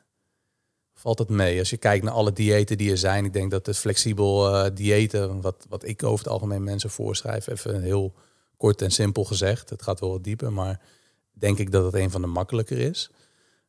maar een 24 uur vast, is dat echt een pittige, voor jou dan niet natuurlijk, maar... Maar het is, als je het heel simpel bekijkt, is het maar een dag. en het is ook nog eens geen dieet, want je eet een hele dag niet. Dus ja, hoe makkelijk kan het zijn? Ehm, feit is dat het wel iets van training vergt. Maar ik denk wel, ehm, als je het, laat het gemakshalve even binnen het aanbod aan diëten zetten. Dan denk ik dat het eh, minder moeilijk is dan bijvoorbeeld glutenvrij eten of koolhydraatvrij eten. Dat soort dingen allemaal omdat dat heel nauw meet met welke producten. Het vergt veel productkennis. En Welke producten mag, ik dan wel, welke niet, waarom, et cetera, et cetera. En 24 uur vasten is heel simpel. Je eet gewoon 24 uur niet, of 20 uur niet. Hè. Dat, ik pak, pak, pak het wat ruimer. Ehm, en dan eet je gewoon wat je normaal altijd zou eten. En dat is denk ik het voordeel überhaupt van intermittent fasting. Dat er zijn maar weinig regels. De enige regel is wanneer je moet stoppen met eten, vast tijdstip. En wanneer je weer moet starten met eten, vast tijdstip. En wat je eet binnen je eating window, binnen je eetraam, daar kun je heel flexibel mee omgaan. Ehm, en daar zit ook de personalisering in. Ehm, als jij veganistisch wilt eten, kun je in dat eetraam veganistisch eten. Vegetarisch, koolhydraatarm, eh, vetarm, aardappels, vlees, groente, oma's keuken, kan allemaal binnen die, eh, zolang het maar zo schoon mogelijk is. Eh, dus ik zou je niet adviseren om alleen maar, het is misschien een interessant onderzoek, maar om alleen maar McDonald's en dat soort dingen te eten binnen die, dat zou ik niet doen. Doch zit de kracht van vasten juist in het niet eten. Het zit niet in de calorierestrictie, maar in het activeren van bepaalde ehm, mechanismen in je lichaam doordat je niet eet, doordat je vast. En dat 24 uur vasten is eigenlijk alleen maar een verlenging van, we spreken van intermittent fasting. Als je 14 uur of langer vast, en dan kun je naar zes- 16 uur is heel gebruikelijk. Ehm, en die 24 uur is slechts een verlenging. Ik zou niemand adviseren, ik adviseer niemand om gelijk te starten met 24 uur vasten. Want dan loop je, ehm, dan loop je gewoon tegen de man met de hamer aan als je dit nooit eerder hebt gedaan. Bouw het uit. Maar ehm, ja, er zijn sowieso heel veel verschillende vormen van intermittent fasting. Hè? Ik weet niet of je dat wist, maar eh, je hebt dan de 16-8 methode. Dus Dat is de meest bekende. dat is de meest bekende. Dan even heel simpel, dan eet je om 12, eh, om 3 en om 8. Eh, dus je hebt een eh, periode van 8 uur waarbinnen je eet. Je mag ook nog wat tussendoortjes pakken als je dat wilt. En van 8 uur s'avonds tot 12 uur s middags eet je niet. En dan is er de ehm eh 5-2 methode. Dan doe je twee dagen vasten achter elkaar. Twee keer vijf, 24 uur nog wel. En dan vijf dagen normaal eten. Dan is de every other day fasting. Dan doe je om de dag 24 uur vasten. En die andere dagen eet je gewoon. En de 24 uur fast, zoals ik hem doe, dat is iets wat één keer per maand terugkomt. Vooral om een metabolisch systeem te trainen, een stofwisselingssysteem te trainen. Maar er zijn heel veel verschillende vormen van vasten. En ook daarvan geldt weer, als je wilt starten met vasten, zoek een vorm die bij jou past. Een, eh, iemand die heel druk is met eh, zijn start-up, et cetera, bijvoorbeeld. Daarvan zou ik adviseren, ga lekker werken. Bekommer je niet om, eh, om de boodschappen. Ehm, en doe die 5-2-methode. Dat je twee dagen volledig gefocust kunt zijn op je werk en programmeren, weet ik wat je moet doen. En die andere vijf dagen eet je zoals je het altijd gedaan hebt. Iemand die heel veel ritme en regelmaat in zijn leven heeft, zou ik juist adviseren om die 16-8-methode te doen. Iemand eh, die gewoon een 9 tot 5 job heeft, lekker om 12 uur lunchen met de collega's. Past ook nog binnen het sociale kader. Drie uur even tussenmomentje. S S'avonds met het gezin, zeven uur lunchen en om acht uur nog een, eh, een late night snack. En dan ga je lekker om elf uur naar bed en dan kun je de dag daarna weer heel gestructureerd je dag voortzetten. Dus die verschillende methoden, die zijn er, vind ik, om ze toe te spitsen op de individuele wensen. Ook op de individuele doelen. Want als jij als sporter je stofwisseling wilt verbeteren, kun je beter iedere dag vasten, zodat je elke dag in die vetverbrandingszone komt, zodat je ook tijdens je prestatie kunt putten op, eh, uit die, die vetverbranding en koolhydraatverbranding. Ehm, als we kijken naar bepaalde gezondheidscondities, dan is het mogelijk ook beter om die 16-8-methode eh, toe te passen. Het hangt heel erg van het individu af. Maar rustig beginnen, slow and steady wins the race. Oefen ermee. Ga niet gelijk, boom, 16 uur vasten. Eh, bouw het op. En het mooie is, kijk, veel mensen die vasten sowieso 10, 12 uur. Als jij om, eh, laten we zeggen, zeven uur s'avonds voor het laatst eet. En je neemt je ontbijt om zeven uur s ochtends, zit al, zijn, al, zijn al twaalf uur. Hoef je nog maar vier uurtjes bij te plakken. Uh, je hebt ongetwijfeld in het weekend je ontbijt wel eens wat later genomen. Dus dat eh, tot half tien lukt vaak. En dan ga je gewoon elke twee dagen doe je er een half uurtje bij. Dan bouw je dat over twee weken, bouw je dat uit totdat je aan die 16 uur vasten zit. En ik garandeer je dat het dan al veel beter gaat dan wanneer je cold turkey gewoon hebt. Ik spring gewoon het diepe intermittent fasting wel eens een keer van gehoord. Uh, laat ik maar even stoppen met eten en we zien maar wat gebeurt. Er zit een plan achter, er zit een structuur achter, er zit een gedachtegang achter. Als jij ochtends normaal traint en je hebt nu je ontbijtje niet gehad, dan moet je anders met je training omgaan. Je moet een stap terug doen om twee vooruit te kunnen nemen. Dus dat betekent, halveer de intensiteit van je training. Ga niet een uur lang uh, aan 12 km per uur rennen. Doe 30 minuutjes, 20 minuutjes tegen 12 per uur. Als je per se een uur lang wilt rennen, ga dan 8, 9 per uur. Veel, veel, uh, veel langzamer. En ook met, het, uh, met je fitness journey. Um, je, kunt, je kunt geen high intensity training doen als je lichaam leeg is en nog niet weet hoe het energie vrij moet maken. Dus in plaats van uh, 60, 60 seconden hoog intensief, 30 seconden herstel, et cetera, ga naar 20 seconden, misschien 30 seconden hoog intensief. Doe het aantal sets, verlaag het aantal sets. Gewicht hetzelfde. Faciliteer je lichaam om die transitie goed te kunnen doorlopen. Want anders creëer je weerstand. En dan ga je dingen tegenkomen die je niet leuk vindt. Futloos gevoel, hoofdpijn, uh, niet vooruit te branden, moe, et cetera, et cetera, et cetera. Faciliteer jezelf. Rustig aan. Je hebt, je hebt tijd genoeg. Ja, en je moet het ook een eerlijke kans geven. Ik denk ook wel dat mensen, zodra ze beginnen met een bepaald dieet, zit er al wel wat, wat basisweerstand. Waardoor ze maar een klein dingetje tegen zitten. En dat, heb ik zelf ook ervaren toen ik daar voor het eerst mee begon. Uh, voor mij meer om gezondheidsredenen dan om echt af te vallen. Dat is een uh, mooie bijzaak, hè, dat je wat droger wordt in dat ja. geval. Meer om gewoon mijn darmen wat meer tot rust te laten komen. Ik had veel suikers, het ook wat, ja, wat schade die dan ontstaat. Uh, maar het begin was wel echt, echt even pittig. Ik dacht ook die eerste dag. En dan denk je ook van ja, mijn bloedsuikerspiegel die, die gaat zo naar nul. Ik denk dat ik zo ja. in coma raak of zo. En dat hoort dus eigenlijk niet. Hè. Maar als ik hoor waar je van, vanaf kwam, ja. veel suikers eten en je gaat opeens naar vasten. Ja, weet je, natuurlijk trek je het niet. Ja. Vind je het gek? En wat heel belangrijk is, Tony, is ook dat je weet waar je het voor doet. Je, moet niet, je gaat niet zomaar starten ergens mee, weet je. Bedenk voor jezelf een reden waarom je hiermee aan de slag wilt. Maak een plan en uh, begin gewoon heel rustig. Plus in de basis, het eetpatroon is gewoon ontzettend belangrijk. Want je moet je lichaam wel goed hervoeden als je gevast hebt je kunt niet op lucht leven. Dat bestaat niet. Er zijn wel eens, uh, komen wel eens posts voorbij op Instagram van nieuw dieet. Uh, ja, op lucht. Gebakken lucht. Maar um, je moet jezelf wel goed voeden met de juiste voedingsstoffen als je dan weer gaat eten. Want de dag daarna ga je weer 16 uurtjes vasten. Of uh, een keer 24 uur of om de dag 24 uur, whatever.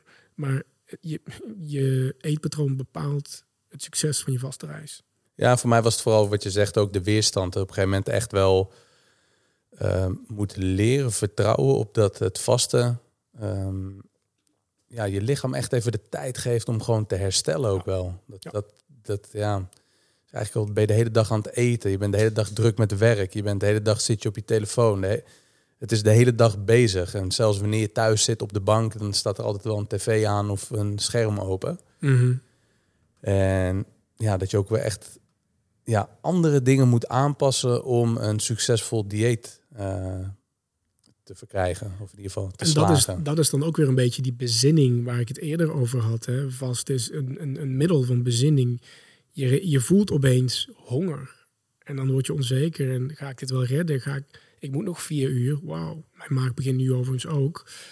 Uh, misschien omdat we over eten praten. Maar, um, en ik mag nog tot vanavond zes, zeven uur. Maar dat komt helemaal in orde. Maar het is wel een moment van bezinning. Je krijgt nieuwe signalen, et cetera. En opeens realiseer je van, het lukt wel. En dan, wauw.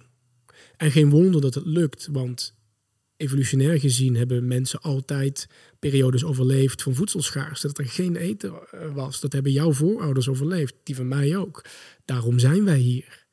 Die topsporters die de, de Tour de France nu fietsen, die oefenen ook met dit soort protocollen. Dus als zij het kunnen en zij moeten de beste prestaties ter wereld leveren, come on. Met je rechterwijsvinger een beetje zitten klikken en op je toetsenbord zitten rammen, dan moet toch zeker ook wel lukken om dan 16 uurtjes niet te eten. Ja, dat is de overtuiging die je hebt, die is vaak ook waar. Hè? Dat is uh, een beetje het verhaal. Ja. Ik denk dat de ene keer dat ik begon met intermittent fasting, ja, was mijn overtuiging. Hè, wanneer je honger hebt of in één keer een best wel zware maaltijd had, in één keer barstende koppijn. Je zegt ook, ja, dan ga je anders eten. Het is even waar je aan moet wennen. Ja. Um, en de overtuiging was er gewoon niet echt. En nu is die er wat, wat meer. Um, ik lees ook veel mensen die met intermittent fasting bezig zijn, die het gewoon het hele jaar doordoen. Nou, dat is ook interessant. Ja. Overigens wil ik nog dat over dat goed eten. doet me denken aan een stuk uit het boek dat ik met Victoria Koblenko schrijf. Mhm. En zij vertelde dat ze ook intermittent fasting probeerde. Totaal gefaald. Totdat ze zich realiseerde dat ze anders moest gaan eten. En voor haar betekende dat dus ook meer vetten eten. Om ook die vetstofwisseling te bevorderen. Want als je vetten eet, gaat je lichaam ook meer geprogrammeerd worden richting het verbranden van vetten betekent wel dat je de koolhydraten iets moet verminderen. Maar, en daardoor, doordat zij opeens veel energierijker ging eten, ja, die tweede keer dat ze het probeerde, lukte het opeens wel. Want vasten gaat niet over minder gaan eten. Je moet niet en gaan vasten en in je, um, in je eetraam ook nog eens een calorierestrictie gaan doen. En die 500 calorieën waar we het eerder over hadden, plus intermittent fasting, ja, dat dan ik zou sterven. goed eten, goed blijven eten is echt heel belangrijk. Oh ja, de hele dag uh, vast had je het over. Of het, het, hele jaar door. Ik ben er geen voorstander van. Um, ik schreef dat al in dit boek. Doe het in blokken van zes tot acht weken om en nabij. En um, dan twee of drie keer per jaar. Want de overtuiging is dat de normale configuratie van hoe wij mensen, de menselijke diersoort, zo zie ik het, eh, hoe wij horen te eten is gewoon drie keer per dag. Ontbijt, sorry, ja, ontbijt, middageten, avondeten. Ik uh, kijk heel veel naar hoe natuurvolkeren leven en je ziet ook dat die drie keer per dag eten. Dus dat is hoe het hoort, zou je kunnen zeggen. Dat is een model van hoe het hoort. Alleen in deze moderne westerse maatschappij, we worden onderworpen aan verleidingen, we eten verkeerd, et cetera. En dan ontstaat er een disbalans, we worden zwaarder, dikker, ongezonder.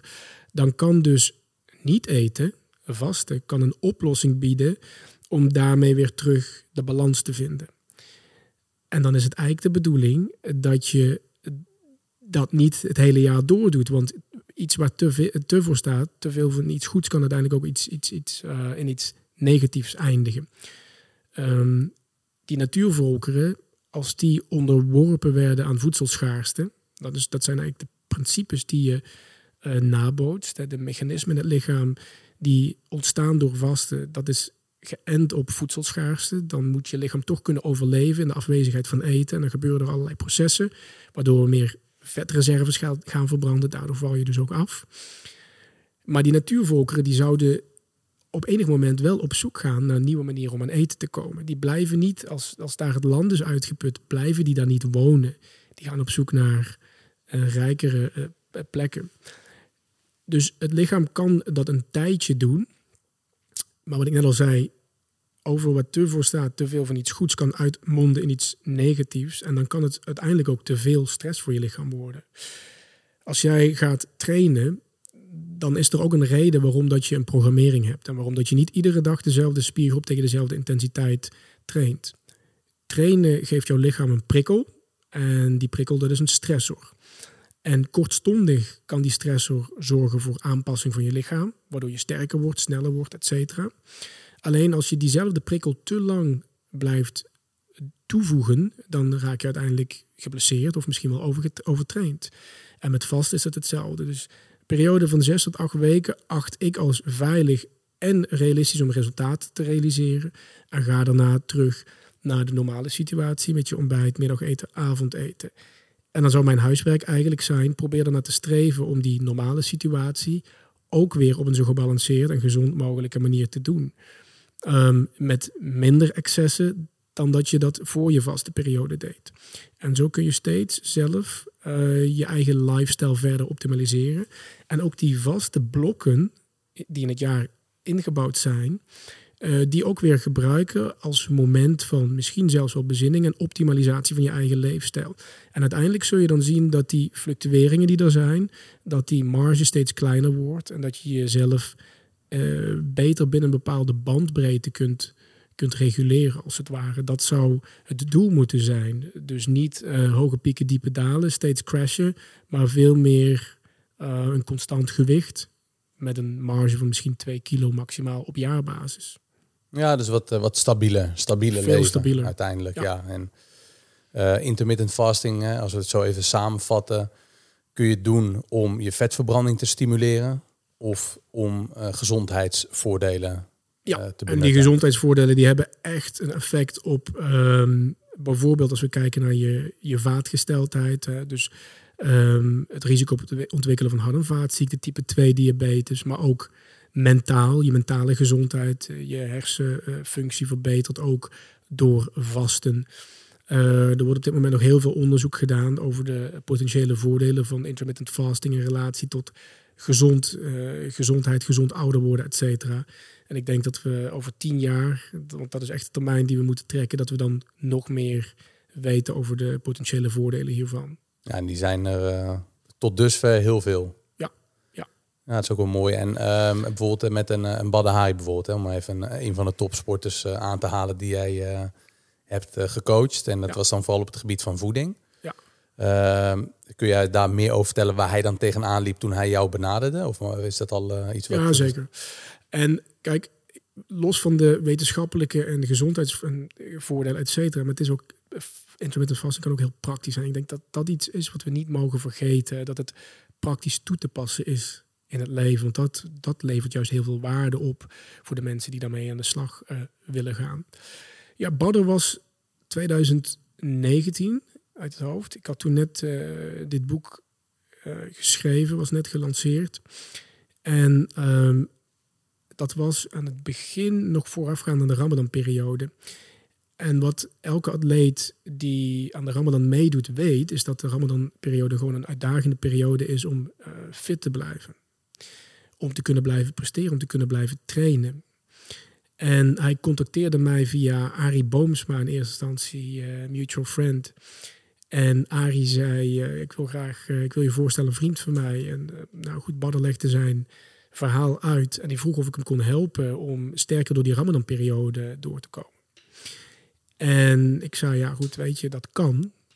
Uh, vanuit mijn ervaring met het intermittent fasting, um, vanuit mijn ervaring met, ik werkte op dat moment al met islamitische mensen die in, uh, bij Defensie werkten. En die werden natuurlijk ook onderworpen aan extreme omstandigheden.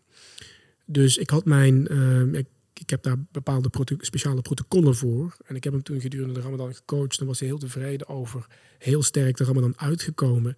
En toen kwam uh, Rico 2, het gevecht met Rico 2. En daar heb ik hem ook op voorbereid. Nou goed, the rest is history, denk ik. Um, intermittent fasting, we hebben dat niet he die hele negen maanden gedaan. Maar is wel een onderdeel geworden van, uh, van de programmering om hem metabool flexibeler te maken.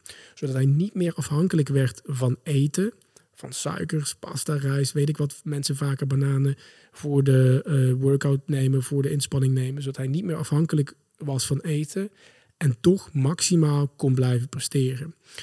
Um, en dat gold voor Badder, maar ik denk dat het voor heel veel uh, atleten uh, van toepassing is. Zeker als je een langdurige prestatie moet doen. Uh, ik noemde eerder al de atleten uit de Tour de France, die zitten vaak vijf uur op de fiets.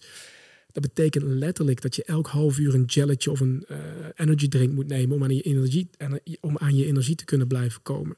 Stel je mist een voedingsstation, dan zorgt dat voor stress, want anders, ja, je weet, de man met de hamer die gaat komen.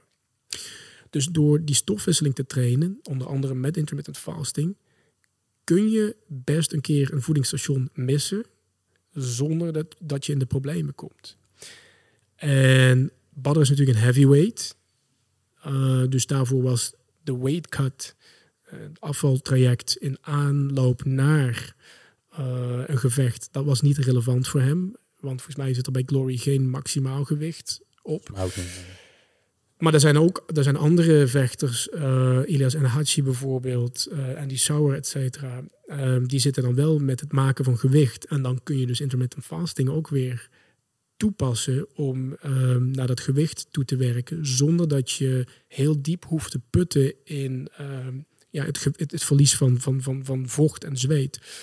Want ja, je wil liefst zo min mogelijk vocht verliezen. Je wil juist droge massa, eh, die wil je behouden. En dus zoveel mogelijk vetmassa verliezen. Dus ja, er zijn heel veel toepassingen, ook binnen de topsport, binnen de duursport. Maar ook zoals we het geval met Badder zagen. eh, eh, en de andere kickboxers binnen de explosievere sportvormen.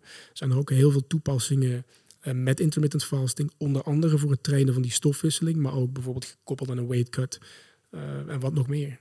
Is mooi. En ehm, uiteindelijk redden zij het allemaal eh, die dagen dat zij moeten trainen of presteren met even dan momenten. Niet vooral de hele dag. En dus in, eh, per saldo zullen zij misschien evenveel calorieën eten, maar vooral eh, de andere verdeling. Waardoor ze met trainen ook natuurlijk het lichaam zwaarder belasten richting die wedstrijdperiode. Ja. Dat ze ook gewoon wat minder tijd daaraan kwijt zijn dan continu dat eten verwerken. Ja. Het zijn ook wel flinke maaltijden, denk ik, die Badden eet. Ja, zeker. En het is ook niet zo dat, ehm, even uit mijn hoofd, maar volgens mij hebben we in die laatste periode ook niet, zijn we niet met in- intermittent fasting, de laatste periode van de fight camp, zijn we volgens mij, maar dat is al een tijd geleden, niet met intermittent fasting in de slag gegaan. Het was vooral in de periode daaraan voorafgaand. Ja. Ehm, omdat als atleet heb je, en als mens überhaupt, maar je hebt maar één vat aan energie. En je moet er alles van doen. En als jij gaat malen tussen je oren over heb ik wel genoeg gegeten om deze training te kunnen eh, voltrekken, of erger nog, zit er wel genoeg eh, voedsel in mijn lichaam om deze wedstrijd in te kunnen gaan, dat zorgt voor stress. En de aandacht die jij onbewust geeft aan die stress, aan dat malen, dat is energie die weglekt. Heel simpel, klinkt misschien een beetje raar, maar die kunt je beter focussen op wat je moet doen. In plaats dat je na gaat denken over heb ik wel genoeg gegeten of heb ik misschien niet te veel gegeten, straks krijg ik in mijn zij. Dus op het moment dat je dat lichaam kunt trainen onafhankelijk te worden van eten, kun je die stressor, die kun je al ehm, die kun je aan de, aan de kant schuiven. Dat is een heel belangrijk onderdeel, vind ik, van ehm, ja, trainen van topsporters. Ehm, omgaan met eten, maar ook omgaan met niet eten. En wat, wat heb je vervangen dan? Hè? Je had het net over pasta, bananen en dergelijke rondom wedstrijden. Wat heb je dan vervangen daarvoor? Ehm, voor trainingen werd er soms niet gegeten. Ik kan me nog herinneren, ik was een keer met Badder in Amsterdam. En het was 12 uur. Hij zette me af op de trein naar Maastricht. En toen moest hij nog gaan trainen. Had hij nog een training van anderhalf uur staan. Uiteindelijk was hij om drie uur klaar. Hij had op dat moment nog niet gegeten. Om drie uur had hij pas voor het eerst. Dus toen was hij al eh 19 uur aan het vasten. Dus in sommige gevallen staat er gewoon helemaal niks tegenover. Je moet soms ook gewoon keihard trainen zonder gegeten te hebben. Ehm, daarmee prikkel je je systeem ook weer op diepere lagen. En je hoeft ook niet elke keer als atleet, als je getraind hebt binnen die 30 minuten, wat vaker gezegd wordt, je eten tot je te nemen, je herstelmaaltijd tot je te nemen. Het hangt heel erg van de programmering af. Hè? Maar je lichaam beschikt over um, recyclingmechanismen. Dus vaker nemen mensen na de training een shake met koolhydraten en eiwitten om glycogeen aan te vullen, spiersuiker aan te vullen. Want ze zijn leeg van de, van de training. Ze hebben de eiwitten nodig. Maar als je aan het vasten bent en je traint in de ochtend en je kunt pas om 12 uur, drie uur later of zo voor het eerst eten, dan heb je dus niet binnen die 30 minuten je voeding binnen. Maar wat gebeurt er in het lichaam? Je lichaam gaat melkzuur omzetten in suiker. En dus door de training ontstaat er melkzuur. Gaat je lichaam omzetten in suiker en dat wordt weer terug ingebouwd in je spieren en in je lever als glycogeen. Dat wordt gebruikt om jouw bloedsuiker ook onder andere weer op peil te houden. Dus er zijn verschillende recyclingmechanismen, aminozuren die gerecycled kunnen worden, uh, die ervoor zorgen dat als jij keihard traint en niet binnen 20 of 30 minuten je shaky kunt pakken, hm. dat je toch niet eindigt als een magere hein, maar gewoon hm. nog gewoon uh, lekker sterk en vitaal door het leven kunt blijven gaan. Ja, want soms ligt daar wel te veel focus op, hè? op uh, de nutrient timing, maar in de basis klopt daar misschien veel minder van. Maar wat heb je, kijk, wat heb je aan nutrient timing, vraag ik mij af, als jouw basis overhoop ligt, als de kwaliteit van je eten shit is, wat heb je dan een nutrient timing? Wat heb je dan aan om een pre-workout te nemen, om een herstelshake te nemen, als de rest van je eetpatroon ruk is? Ehm, volgens mij hadden we het er via de telefoon ook over, maar je ziet heel vaak mensen dat ze, uh, dan gaan ze herstellen met zo'n massagegun. En daar is op zich niks mis mee. Maar als jij niet eerst stopt met maar vijf uur per nacht slapen, want in je, tijdens je nachtrust herstel je. Dat is je belangrijkste herstelfactor, niet die gun. Wat heb je dan aan die gun als je maar vijf uur per nacht slaapt? Wat heb je aan intermittent fasting als je eetpatroon in de basis niet goed is? Wat heb je aan je pre-workout als je eetpatroon? Wat heb je aan die herstelshake als je eetpatroon niet goed is in de basis? Ehm, dus die basis, die is veel belangrijker dan al die tweaks. En ik zie intermittent fasting ook als een tweak die je pas kunt toevoegen als je eetpatroon in de basis goed is. En die tweaks die kunnen misschien voor 5% uh, eh, van de verbetering van je prestatie zorgen. Maar die basis is nog altijd die 95%. En als je dus in die basis gaat sleutelen, zul je dus een veel grotere impact hebben op je overall prestatie. Dan wanneer je gaat tweaken bovenin die piramide en met allerlei nou, supplementen, noem het maar op, aan de slag gaat. Omdat je denkt dat je daar je winst in gaat halen. Kijk eerst naar die basis. Basis is altijd het belangrijkste. In, in elke situatie of uh, overal waar je iets wilt bereiken, moet het in de basis gewoon kloppen. 100%. En dan kom je natuurlijk ook hè, in het verlengde hiervan uh, bij uh, ja, maximaal 25 gram opname van eiwitten, waar veel mensen in de fitnesswereld een beetje bang voor zijn. Maar ik heb heel erg het idee dat de voeding die je neemt, die verdwijnt niet als je het niet nodig hebt bijvoorbeeld. Stel je voor je neemt per maaltijd 50 tot 100 gram eiwitten. Het is niet zo dat die eiwitten dan later niet meer beschikbaar zijn of zo. Nou, het is sowieso, ik, er is ook een uh, mooi item uh, wat ik heb gemaakt met de keuringsdienst van waren. Gaat hierover. Uh, ook over de commerciële producten, de yoghurtjes, et cetera, waar overal 25, 30 gram eiwit op staat. De zin en de onzin daarvan kan je aanbevelen om daar naar te kijken.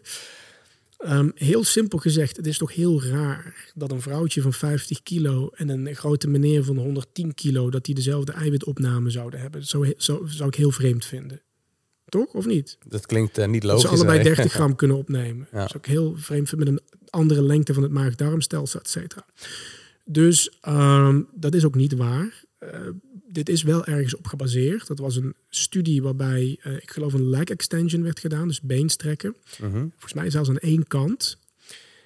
Waarbij ze dan gekeken hebben naar wat is de maximale, of de, wat is de ideale eiwitdosering om daar uh, spiergroei mee te faciliteren. Dus met gelabelde eiwitten, die, dus kunnen eiwitten labelen, die kunnen dan in spieren ingebouwd worden.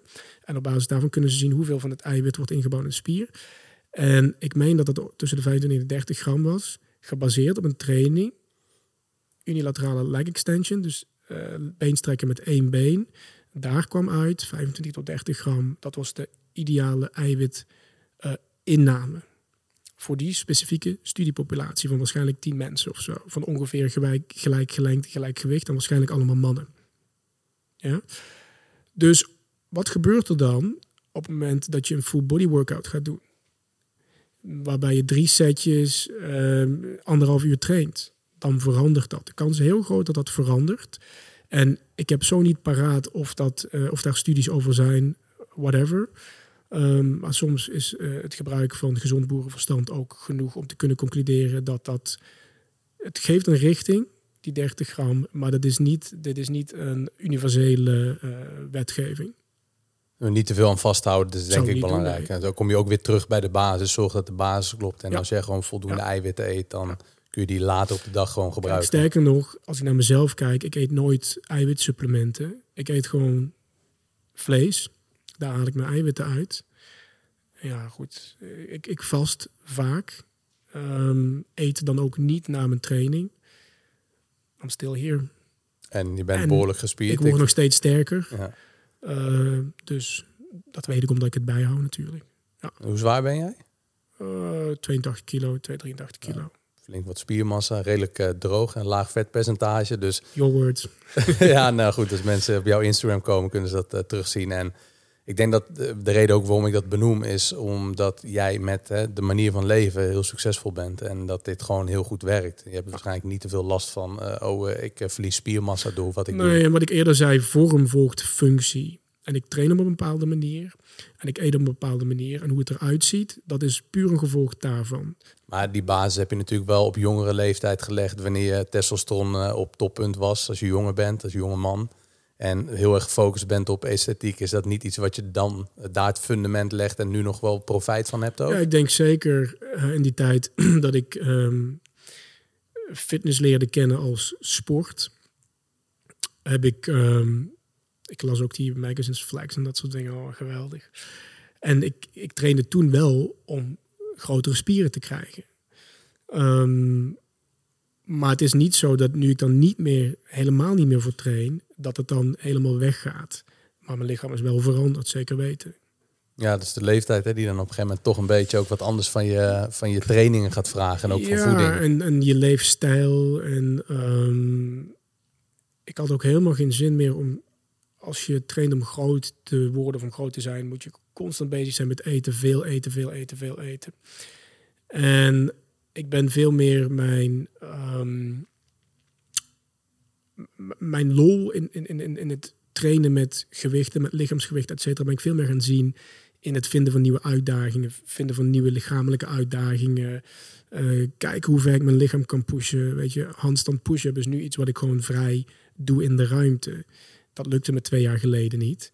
Ehm, dat vind ik heel gaaf. De volgende zal misschien een one-arm chin-up zijn. Dat soort dingen. Vind ik veel leuker en interessanter dan maar groter en groter en groter worden. Want daar zit gewoon veel meer een cap op. En ik hoef me dus om deze doelen te realiseren, hoef ik me niet druk te maken om eh, dat, dat ik meer moet eten. Eh, ik moet wel bezig zijn met mijn trainingsprogrammering en rust. Hard trainen, nog harder rusten. Maar voor de rest, eh, de rest laat ik gewoon lekker lopen. Ja, zo mooi is voor jezelf maar duidelijk is waar je dan hè, voor doet. En, en dat ja, jouw doelstellingen en ehm, trainingen en voeding passen gewoon heel goed bij elkaar. Ja.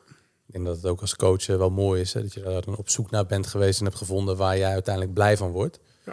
Maar dat Eh. geeft ook een rust in zekere zin. Als het niet bij elkaar past, dan blijf je onrustig en blijf je zoekende. En het is nooit goed genoeg, het is nooit groot genoeg. Maar mijn dieet klopt weer niet. Weet je, ja, wanneer klopt je dieet wel? Of kloppen je doelstellingen misschien gewoon niet? Ja. Ja, dat is wel belangrijk voor mensen om even te achterhalen wat hetgeen is wat jij moet doen, waar je naartoe werkt. Hè. En eh, wat ik ook wel een mooie en interessante vraag vind, die vraag eh, wordt natuurlijk veel beantwoord. Hè. De meeste mensen die kunnen in de middag niet thuis lunchen. Die luxe heb ik wel, misschien jij ook wel. Als je je eigen agenda kan indelen. Dus eh, straks, het is nu half twee, straks ik naar huis. Kan ik, kan ik gewoon een warme maaltijd maken en best wel wat calorieën naar binnen werken. Om dus aan mijn eh, calorieinname dagelijks te komen. Uh, maar ik merk gewoon dat het heel lastig is voor mensen die dus een vaste baan hebben, waar ze dus echt op kantoor moeten eten of in ieder geval op werk moeten eten. Dat het heel moeilijk is om maaltijden te kiezen die dan uh, de, ja, de juiste voedingsstoffen bevatten, de juiste uh, calorieën bevatten ook. En dat daar toch wel vaak misgaat, want daar heb je geen of weinig controle op. Hè? Wat, wat ze dan of eventueel moeten meenemen.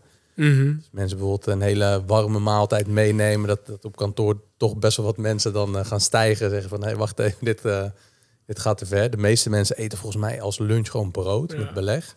Ja, kijk, iets wat te ver gaat, dat, dat is eigenlijk weer, het zijn dezelfde mensen die uh, de boel lopen te saboteren als jij besluit dat je vijf kilo wil afvallen. Want doe Ja. zo, eh, dat zijn een beetje dezelfde mensen. Daar moet je eigenlijk, vind ik, mee afrekenen. Mhm. Anders ga je maar gewoon naar buiten en dan kies je voor jezelf, dan, dan maar niet met collega's eten. Zou ik doen. Ja. Op dit moment in mijn leven sta ik er gewoon heel erg zo in. Als, eh, als het niet meer in, in lijn is met wat ik belangrijk vind, prima, dan distancieer ik me ervan. Helemaal goed. De vraag is of jij jouw voedselkeuzes moet laten afhangen van wat de omgeving te bieden heeft. Want hoe verder je verwijderd raakt van huis in die omgeving, sorry, um, maar hoe lastiger het wordt om goede keuzes te maken, keuzes die passen bij jouzelf, want je, legt de verantwoordelijkheid eigenlijk in handen van een derde. Um, als ik naar huis rijd, alleen maar tankstations of ik noemde de wegrestaurants net al. En wil ik die verantwoordelijkheid bij hen in handen leggen, dan of doe ik dat, dan weet ik ook dat dat ten koste gaat van mijn eigen doelen, mijn gezondheid en, en dat dat frustratie oplevert.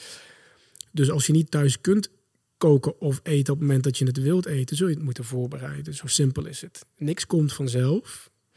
Uh, je zult er tijd, energie en moeite in moeten steken om het te laten groeien. Dus je zult het moeten voorbereiden en je zult het dus van thuis mee moeten nemen. Dat is de enige oplossing. En dan geldt in sommige gevallen nog dat uh, niet eten nog altijd een beter alternatief is dan het verkeerde eten. Ook al denk je misschien dat je het nodig dat je brandstof nodig hebt, maar vaak is niet eten een betere overweging dan het verkeerde eten.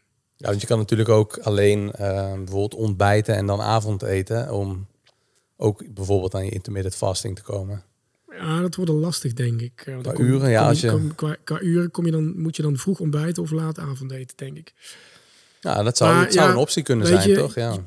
Als ik de vraag omdraai, wat is het probleem om je eten voor te bereiden? Wat is daar het probleem van? Vind je het niet belangrijk genoeg? Prima, dan doe je het niet. En dan eet je lekker wat je op je werk kunt krijgen of wat je bij het tankstation kunt krijgen. Zo is het. Het zijn keuzes. Het zijn 100% keuzes. En de keuzes die eh, zorgen uiteindelijk voor of je wel of geen resultaat haalt. Ja. Prioriteren dingen die je belangrijk vindt verdienen aandacht en tijd. Leven is niet makkelijk, leven is niet eerlijk. Je moet het gewoon zelf doen. Zo is de natuur. Ja. Zijn er nog dingen die bijvoorbeeld terugkomen? Uh, jij, jij, koppelt heel veel terug naar hoe we vroeger hebben geleefd. Daar zitten natuurlijk ook wat nadelen aan. Bijvoorbeeld bepaalde ziektes of bepaalde uh, uh, ja, leeftijden werden niet bereikt hè, vroeger. Of, dat is de vraag. Dat, denken we vaker. Wij denken dat wij heel hoog ontwikkeld zijn en dat wij het allemaal weten. En uh, dat we vaak ook slimmer zijn dan de natuur. Als je kijkt naar natuurvolkeren, dan heb ik het even voor de intrede van de industriële revolutie. Dat was 10.000 jaar geleden. Ik heb het echt over 150.000 jaar geleden, 200.000 jaar geleden. Of mensen die nog in de natuur leven, jagers, verzamelaars, volkeren. Dan zie je dus dat die tot op hoge leeftijd nog altijd vitaal zijn aan participeren in de maatschappij. Het zijn kleine maatschappijen van 30 tot 100, 150 mensen. En iedereen heeft daar zijn eigen functie binnen die hiërarchie. En oude mensen participeren nog actief tot op hoge leeftijd. Ik heb het echt over 70, 75 jaar. Dat ze nog deelnemen en fysiek actief zijn. Op het moment dat ze niet meer mee kunnen, zonderen ze zich af en dan gaan ze sterven. Dus het is een grote misvatting te denken dat het toen dat we niet zo oud werden, et cetera. Natuurlijk stierven mensen jonger wanneer we werden aangevallen door een leeuw of zo. Ja, goed, dan weet je, die bedreiging is er hier niet meer. Uh, wanneer je door een infectie werd geraakt, was er geen medische zorg. Hè? Begrijp me niet verkeerd. Er zijn heel veel mooie dingen eh, die onlosmakelijk verbonden zijn met de maatschappij waarin wij leven. En de medische zorg is er denk ik één van. Bepaalde facetten daarvan zeker. Um, dus ja, dan stierf je, eh, als je een, een, teen ontstoken had en het ging zweren, ja, dan kans dat je dood ging gewoon. Puur omdat je je teen had gestoken, gestoten of zo. Um, maar er zijn ook in deze maatschappij dingen die heel mooi zijn, die we op een krachtige manier kunnen gebruiken. En zelfs iets als sociale media, waar veel mensen een afkeer van hebben, omdat ze denken het is puur vergif en ik ben verslaafd. Ik maar daardoor wordt die wereld opeens veel groter en rijker. En we kunnen die tools ook gebruiken om mensen uh, te inspireren, te motiveren, om kennis te delen. Dus daar zijn zeker um, ook aan deze tijd heel veel dingen gekoppeld die ontzettend prachtig en mooi zijn. Um, en het feit is ook, het is 2022. We leven niet meer in, de steen, in het stenen tijdperk. Het is 2022. Maar ik ben wel heel erg geïnteresseerd en heel erg nieuwsgierig naar wat zijn nou concreet tastbare dingen van toen die we nu kunnen omvormen en kunnen toepassen in een hele praktische manier voor de moderne, voor de moderne mens. Wat eten betreft, wat de rust betreft, ontspanning en beweging. Dus ook een van mijn passieprojecten waar ik mee bezig ben. Uh, ik kom net terug uit Los Angeles. Daar heb ik uh, het genoegen gehad dat ik daar een, een, een, stam heb mogen bezoeken in een reservaat. En dan probeer ik dit soort zaken probeer ik daar uh, te ontrafelen, te achterhalen. Dus dat is, ja, dat is een project waar ik nu, een persoonlijk project waar ik mee bezig ben. Dat is wel heel mooi. Ja, zeker weten. Het ontdekken van de, het beste van beide werelden eigenlijk. De, tijd van toen en de tijd van nu. En als je daarvan het beste pakt, dan krijg je volgens mij ook het beste product. Want uiteindelijk, we leven in deze tijd en we zullen het hier moeten klaarspelen. Mooi. En um, ja, eigenlijk wil ik nog wel uh, richting het uh, einde van deze podcast ook wat dingen, uh, een, een, zakelijk stukje eigenlijk. Hè. Het, het geheim van succes. Uh, jij hebt natuurlijk een, een moeilijke tijd gehad hè, met, met jouw bedrijf ook wel, zo wie niet. Maar wat heeft het uiteindelijk toe geleid dat jij echt succesvol bent geworden? Kijk, wat is, je kunt je afvragen wat is succes? Ja? Dat is mijn volgende vraag. en um, het leven kan met vallen en opstaan ondernemen ook. Ik denk dat elke ondernemer dat weet. Er zijn denk ik uh, maar weinigen in staat om dat over de jaren te tillen. En die volhardend genoeg zijn uh, om ondanks tegenslagen, soms langdurige tegenslagen, toch door te blijven gaan, te kunnen gaan. Maar dat is nooit het werk in mijn geval geweest van mij alleen. Um, mensen mogen zien wat ik doe en wat ik breng in deze wereld. Alleen, ze kunnen dat alleen maar zien dankzij deze jonge man hier, die altijd naast me staat. Hij brengt het, hij geeft het beeldend weer. En het is niet alleen de volgers op Instagram, maar ook de bedrijven zien dat opeens en daardoor komen opdrachten binnen. Dus dat gaat, dat gaat best wel ver. Dat realiseren heel veel mensen zich niet. Dezezelfde jonge man is ook een gesprekspartner van mij. Als we straks weer terug naar, uh, naar Maastricht zitten, naar het zuiden zitten, dan praten we over het leven, over mijn leven, maar zeker ook over zijn leven. En het gaat over Jeroen, hè? Het gaat over Jeroen. Onder andere fotograaf. Maar dus ook meer dan dat. 100% meer dan dat. Ik heb het genoegen dat ik een supermooi team heb. Ik zeg altijd, it's the team that realizes the dream. En deze mensen maken mede mogelijk, maken mede mijn droom mogelijk. Mijn gezin thuis, mijn partner die mij steunt, al tien jaar lang in het doen wat ik vind dat ik moet doen. En het was heel makkelijk geweest op momenten om te zeggen, kap ermee, weet je, is voor ons allebei de weg van de minste weerstand op dit moment.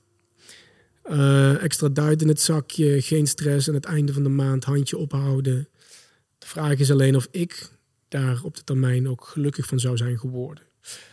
Mijn gezin thuis, mijn ouders, mijn broertje, mijn zusje die ook in het bedrijf zitten, overigens, maar mijn, mijn ouders zeker ook, die ons uh, kosten wat kost steun. Ik ben, uh, wat ik je zei, ik, ben naar Los Angeles gegaan. En ik zal heel eerlijk zijn, het was heel even lastig, want ik heb twee kleine kids. De oudste is net zes geworden, die andere die wordt binnenkort vijf. Ze moeten naar school, mijn vrouw heeft een job, et cetera. Dus ja, hoe ga je dan met, uh, met opvang? En was, af en toe is er een beetje weerstand ook van, ja, tien dagen is best lang. Er zijn mijn pa ook, weet je, Smef. Soms moet je dingen, momentum is heel belangrijk. En soms moet je dingen gewoon even doorduwen, ook al is het gewoon ongemakkelijk. Want kansen moet je pakken. En we zijn met een groot gezin. Je hebt een broer, je hebt een zusje, je hebt allebei twee ouders. Helen heeft twee ouders. Dus het opvangnet voor de kids is groot genoeg. Helen hoeft het niet alleen te doen. Ga. Door dit soort momenten, door dit soort mensen om me heen, mijn hele team, mijn eigen gezin, mijn familie, ehm, heb ik kunnen doen wat ik wilde doen. En dat klinkt heel erg alsof het alleen maar om mij draait, maar er zit een, echt een wederkerigheid in. Hè? Want de flexibiliteit die ik als ondernemer heb, heeft er wel ook voor gezorgd dat, zeker toen de kids klein waren, dat ik drie dagen per week fulltime op de kids lette. Dat ik ze nu elke dag naar school breng. Ik heb ze vanochtend voordat ik kwam gebracht. Dat ik ze ook ophaal. Ja, vandaag doet mam dat, thanks mam. maar dat ik ze ook ophaal. Dus daar zit ook een, daar zit een wederkerigheid in. Het leven draait zeker niet alleen om mij, maar ik heb wel een droom. Ik heb een ambitie. Ik visualiseer dat. Ik manifesteer dat. En dat kan dankzij al deze mensen. En dat doe ik uiteindelijk Zeker om de wereld een stukje mooier te maken, maar heel stiekem vooral ook om uiteindelijk vrijheid te kunnen genieten. Want dat is voor mij het ultieme teken van succes, is vrij zijn. Vrijheid voor mij, voor mijn gezin, mijn familie. Uh, economisch natuurlijk, maar vooral ook hier in mijn hoofd. Ik zou heel veel spijt hebben als ik later aan mijn sterfbed uh, terug zou denken aan mijn leven, dat ik dan zoiets zou hebben van, ik heb heel veel kansen eigenlijk laten liggen uh, omdat ik maar iets deed voor een ander. Het was mogelijk, maar ik was onzeker. Ik heb het niet gedurfd. Jammer hoor. Ik ben nu 85. Ik heb nog twee minuten te leven. Had ik het maar gedaan. Ik doe het. Ik leef mijn eigen droom. Prachtig. Heel mooi uh, verwoord, denk ik zo, uh, als je dat zo benoemd. En je hebt natuurlijk ook in je boek heb je een, mooi dankwoord geschreven, wat dit eigenlijk een, een mooi verlengstuk en, en nog persoonlijker is als je het zo uitspreekt. En ik zie echt de dankbaarheid in je ogen. Ja, zeker. Je staat daar echt achter, zoals je eigenlijk achter alles staat wat je doet. En ik vind dat heel mooi. Wat ik eigenlijk ook nog, toch nog even die vraag wil hebben. We hebben natuurlijk heel veel gehad over het verleden en, en niet super, ja, natuurlijk over vandaag de dag. Maar over de toekomst hebben we het uh, weinig gehad. Je schrijft op dit moment een boek met Victoria Koblenko. En wanneer komt het boek uit? Najaar, Vic. Toch? Najaar.